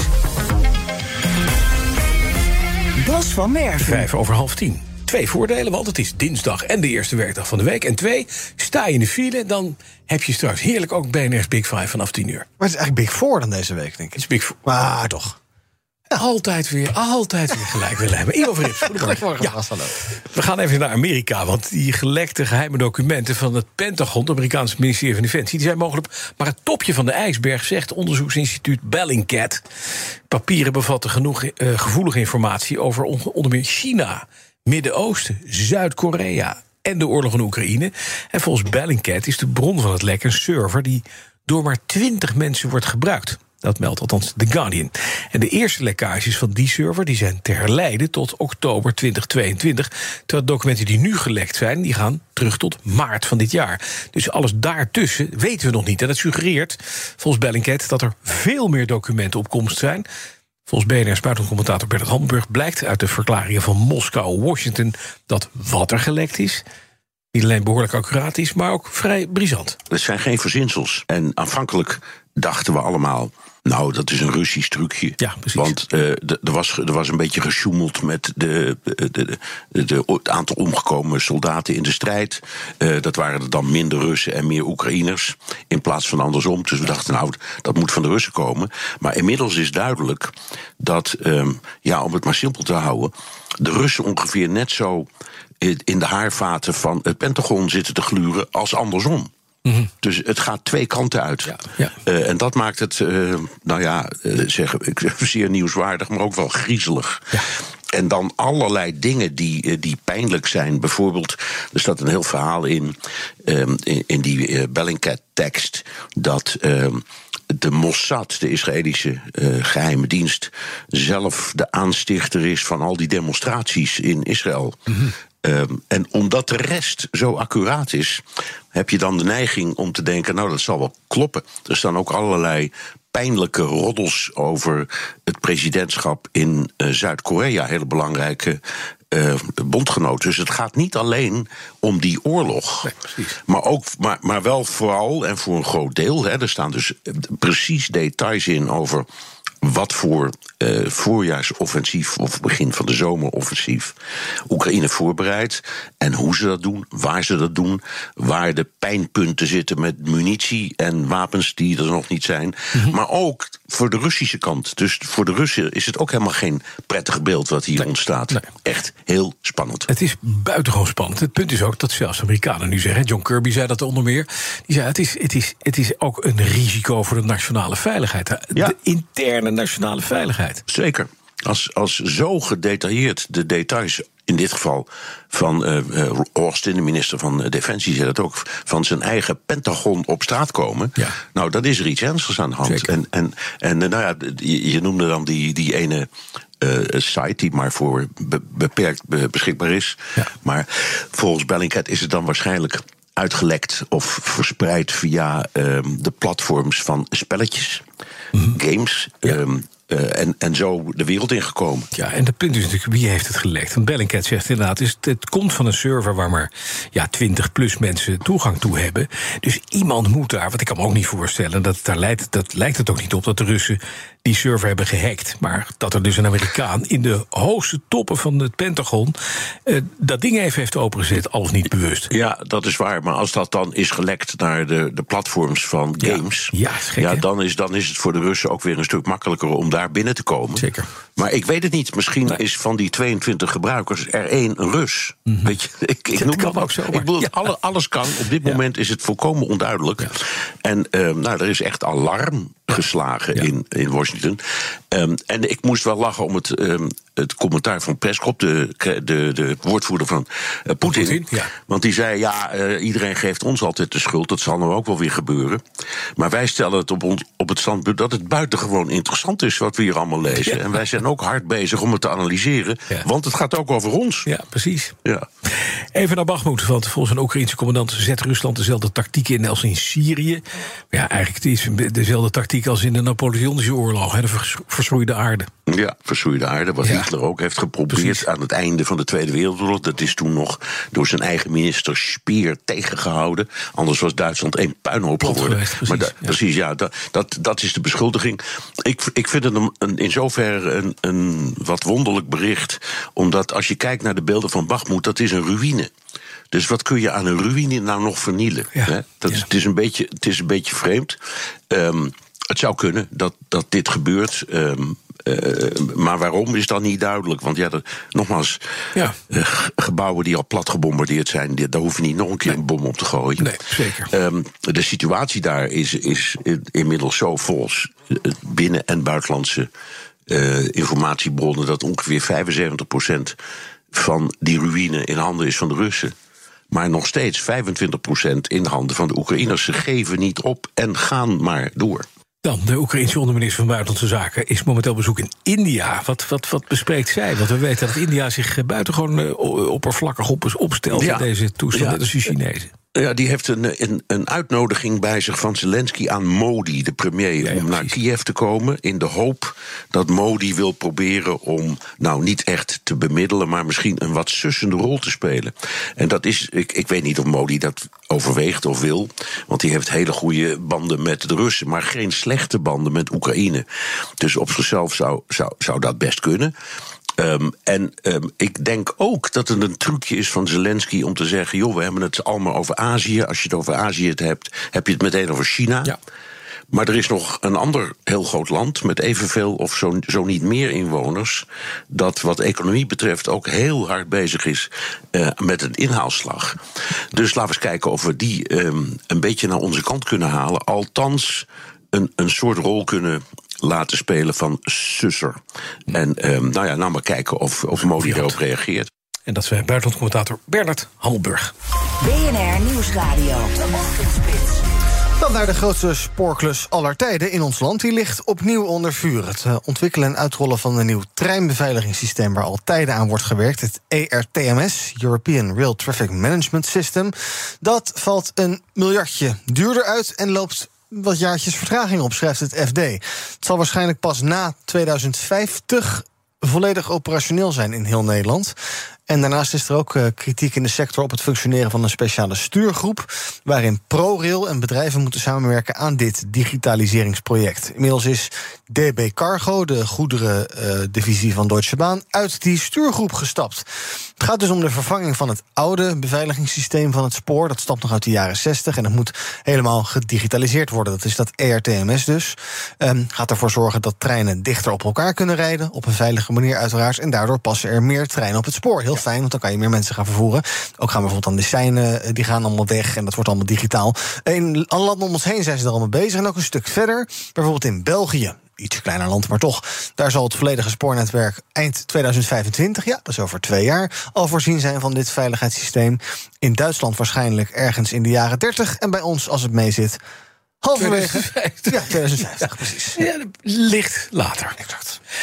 Ja, en dan kan je van alles verzamelen. Hè? Mannen die mooie collecties auto's hebben... of enorme hoeveelheden horloges of motorfietsen... of whisky of oude kaas. Ja, een beetje Captain of Industry, die moet het geld laten rollen af en toe. Dan moet je toch iets vinden wat een ander niet al heeft. Hè? Dat je gewoon op zo'n zo'n zo'n zo'n parkeerveldje komt... weer met je Opel Manta in groen, dat er al 50 staan. Nee, als je nou echt wat wil hebben wat bijna niemand heeft... dan moet je gewoon aankomen bij zo'n rally in een volledig functionele tank. Ja, verslaggever Martijn Rijk die nam een kijkje bij het bedrijf Ba- BAIV, British American Infantry Vehicles, in het Noord-Limburgs Nederweert. En daar verkopen ze eigenlijk alles met een lange loop. Ivo Richter, nou zegt het al, is de baas daar. Ja.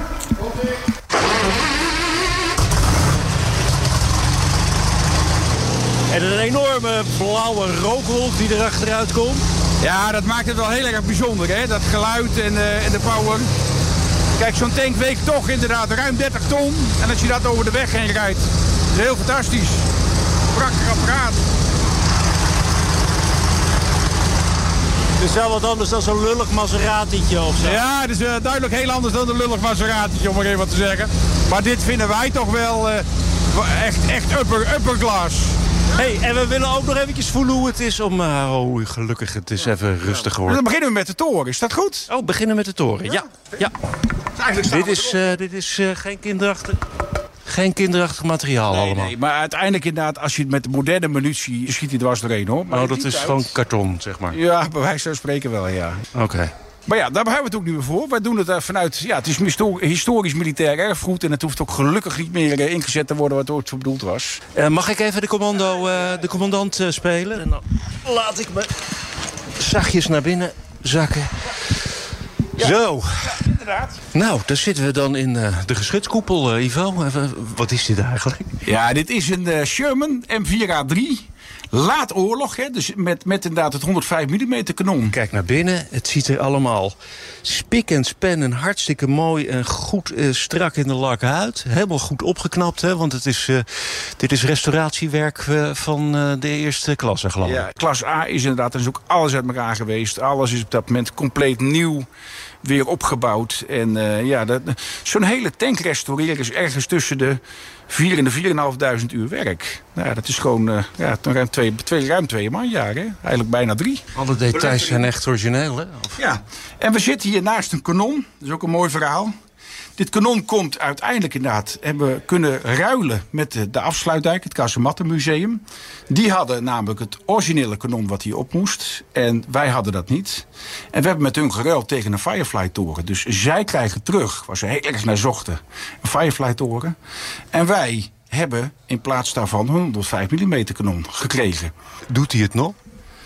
Eh, nee, dit, eh, dit doet het niet meer. Het Nederlandse wetgeving zegt die dingen moeten. Lijkt me ook, ja. en dat lijkt me nog heel verstandig. Ja, wat, wat moet je er ook mee, hè? Je kunt er wel wat mee. Je kunt er wel wat mee. Je kunt op zijn minst er heerlijk mee rijden. Het is wel duur, hè? Want zo'n tank loopt ongeveer 6 liter op een kilometer op de harde weg. Mensen die dit soort dingen kopen, dat zijn over het algemeen mensen die van benzine houden en benzinelucht ruiken graag. En die vinden het fantastisch. Met natuurlijk een historische, historische hobby ook. Hè? Dat, dat zijn mensen die hier uiteindelijk voor gaan.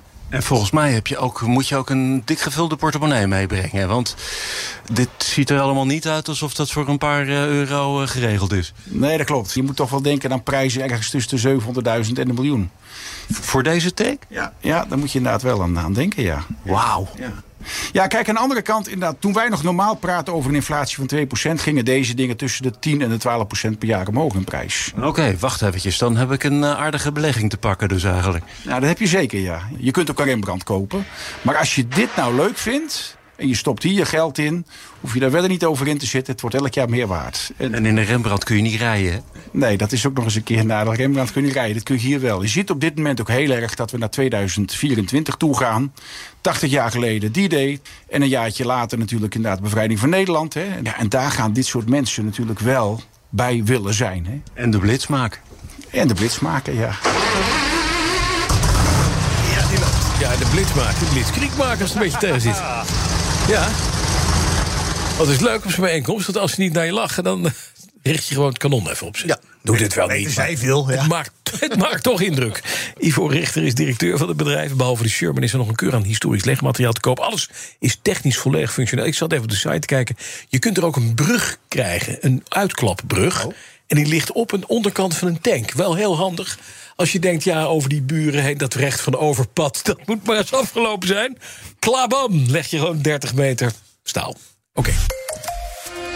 Blijft wij een beetje hobby. Erwin de Hart van de AWB, hoe staat het erbij op de A1?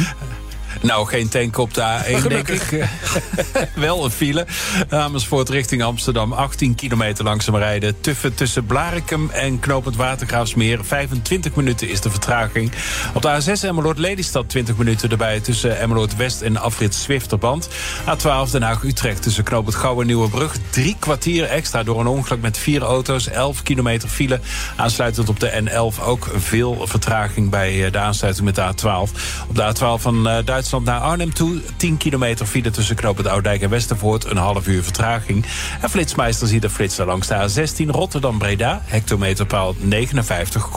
BNR Nieuwsradio. De Ochtendspits. Ja, nog 12 minuten begint BNR's Big Five. En dat staat deze week onder leiding van niemand minder dan Paul van Liemt. Paul, goedemorgen. Bas, goedemorgen. Wat is het thema deze week? Het thema is deze week de nieuwe bankencrisis. En we gaan er met economen erover praten. Uh, en denken, wacht even, bankencrisis. Is er geen bankencrisis, mee, niks aan de hand. Nee. Banken stress. Ja, maar wat is er precies aan de hand? Sandra Flipper die vindt crisis ook een te groot woord. Mhm. Maar ze wil niet uitsluiten. En als mensen heel geruststellend gaan spreken... het valt wel mee, dat hebben we in het verleden gemerkt... dan moet je altijd een beetje oppassen. Dus we willen alle ins en outs weten. Vooral van haar, eh, ook, ook technische termen. Bel-in, bel-out. Kennen we op BNR inmiddels allemaal heel goed. Alle luisteraars weten het ook.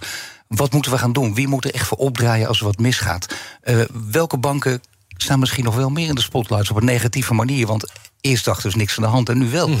Eh, wat denk je? Presidenten die, die hun land gaan toespreken, mensen niks aan de hand, Biden Scholz. Dan is er altijd wel iets aan de hand. Ja? Eh, dit weekend is hij groot, eh, groot interview in NRC met Klaas Knot. Mhm. Die ook heel geruststellend roept: nee, de bankenbuffers ze zijn goed en niets aan de hand en zo. Nou ja, als er niets aan de hand is, oké, dan wil je ook van nou hoor. Mhm. Ook heel fijn dat gaan meteen zeggen: hebben we, hebben we niet goed gezien, geen bankencrisis. Ga je Maar ons ik weet nou niet of dat de conclusie is. Ga je ons nou bang maken of is het gewoon het... Laten we even de reality check doen. Wat is er Reality check. Nee, kom op. Niet Bang maken maken, doen we niet. Nee, maar ik, ik heb het verleden. Kijk, je weet, ja, ik weet jou, die uitzending 24 februari. We wisten ook een hele week daarvoor niks aan de hand. Kijk, zo is het niet. Maar bij de bankencrisis gaan we toch denken... wacht eventjes, eh, crisis, eh, dat, dat woord het overal op geplakt, dat willen we niet. Maar wat is er nou precies aan de hand? Dat Ja, weten we helemaal niet. We horen eh, geruststellende woorden. Sandra Flippen is bereid om helderheid van zaken te geven. dat is hoofdeconoom van ABN AMRO. Hè? Ja, zeker. deze- Niet niks. Deze Big Five nog alle kanten op kan. Van niks aan de hand tot vreselijk. We gaan het zien. Ik zou daarom bijna weer zeggen de hele week Je luisteren. moet gewoon luisteren, absoluut. En beginnen zo meteen om 10 uur met Paul van Liem. Dankjewel, Paul. Tech Update. Jo van Buurik, goedemorgen. Hey Bas en Ivan. Het was een roerig paasweekendje bij Twitter... want Elon Musk zocht duidelijk liever problemen dan paaseieren. Oh, Er gebeurde En dat zoveel, lukte, hè? Bas. Ja. We gaan er in vogelvlucht doorheen. Of worden we er hondsdol van? Nou, dat woordgrapje snap je later ook nog Mhm. beter. Oh. Want, eh, om te beginnen, Twitter heeft inmiddels accounts van diverse publieke mediaomroepen aangemerkt als staatsmedia.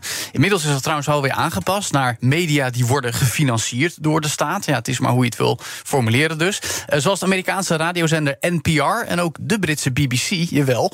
Eh, terwijl die eerstgenoemde maar 1% van het jaarbudget uit overheidsinkomsten ziet. De rest is allemaal commercieel of eh, via crowdfunding. Bij BBC ligt het natuurlijk iets anders, eh, maar benadrukt wel dat ze onafhankelijk opereren ten opzichte van de overheid. En ja, dat label, staatsmedia, dat kennen we wel van meer online platforms, niet alleen Twitter, ook YouTube. Maar dan vooral bij Twitter kennen we het vanwege bijvoorbeeld RT en Xinhua Nieuws. En dat zijn de staatszenders van Rusland en China. Maar goed, dat is nog maar één ding. Ondertussen heeft Twitter juist accounts van Russische instanties versoepeld. Eigenlijk sinds de invasie in Oekraïne al meer dan een jaar geleden werden dat soort accounts niet meer naar boven gebracht als je bijvoorbeeld zocht op berichten of accounts.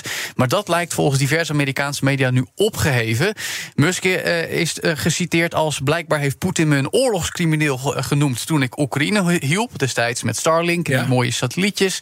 Eh, maar hij is niet echt, dus hij is niet echt mijn beste vriend. Maar elk nieuws is volgens Musk in zekere zin propaganda. Dus ik laat de mensen lekker zelf beslissen wat ze belangrijk vinden. Dat is ook makkelijk. Ja, eh, gewoon je verantwoordelijkheid Ja. afschuiven. Dan maakte hij nog ruzie met Matt Taibbi. En die mensen, eh, die luisteren, die zeggen... Hè, jullie moeten het over de Twitter-files hebben. Die zullen nu wakker worden, want dat was de rechtsconservatieve journalist... die over de Twitter-files publiceerde de afgelopen Mhm. maanden. Die zouden onthullen hoe Twitter beïnvloed wordt... door Amerikaanse overheidsinstellingen. Maar ja, eigenlijk wist het niet echt iets heel schokkends te brengen. Maar die Tai Bibi publiceert een nieuwsbrief... voor 360.000 mensen via Substack. Een platform dat sinds vorige week korte berichten zoals Twitter doet. Die heet Notes. En dan is het geen toeval dat Elon Musk met Twitter opeens Substack ging afknijpen. En dus een woordenwisseling met de man die die een paar maanden geleden nog de hemel inprees... omdat hij zogenaamd Zo onthullende dingen publiceerde over Twitter. Dus dat. Daar hebben we nog niet eens gehad over de juridische strijd van de voormalige Twitter-top. Die hebben namelijk bij de Delaware Chancery Court. Da- Daar Ja. is hij weer, want daar moest eh, die eh, overname die Musk ooit nog wilde afblazen worden uitgevochten voor de rechter, maar dat gebeurde niet. Hebben Twitter aangeklaagd omdat ze juridische kosten hebben gemaakt voor 1 miljoen dollar. Onder meer voor het Amerikaanse ministerie van Justitie. Die had Twitter allemaal moeten betalen. Is natuurlijk niet gebeurd. Ja, en dan Bas, dan moeten we, hebben we het nog niet eens gehad over dat Dogecoin-logo dat een week lang. Oh god, ja, op wat. Dat is een 1 april grap er was. was een uit de hand gelopen 1 april grap. En het verfraaien van het Twitter-logo op het hoofdkwartier in San Francisco. Musk had namelijk de W afgedekt. Dan krijg je een ander woord. Twitter. Eh, Dus, eh, maar dat mag niet van de huisbaas. Hij kreeg een officiële klacht. Dus heeft hij het opgelost door het bord dat in de kleur grijs is, ook de W in de kleur grijs te verven. En dan twittert hij daar trots over. Probleem opgelost. Twitter. Juist.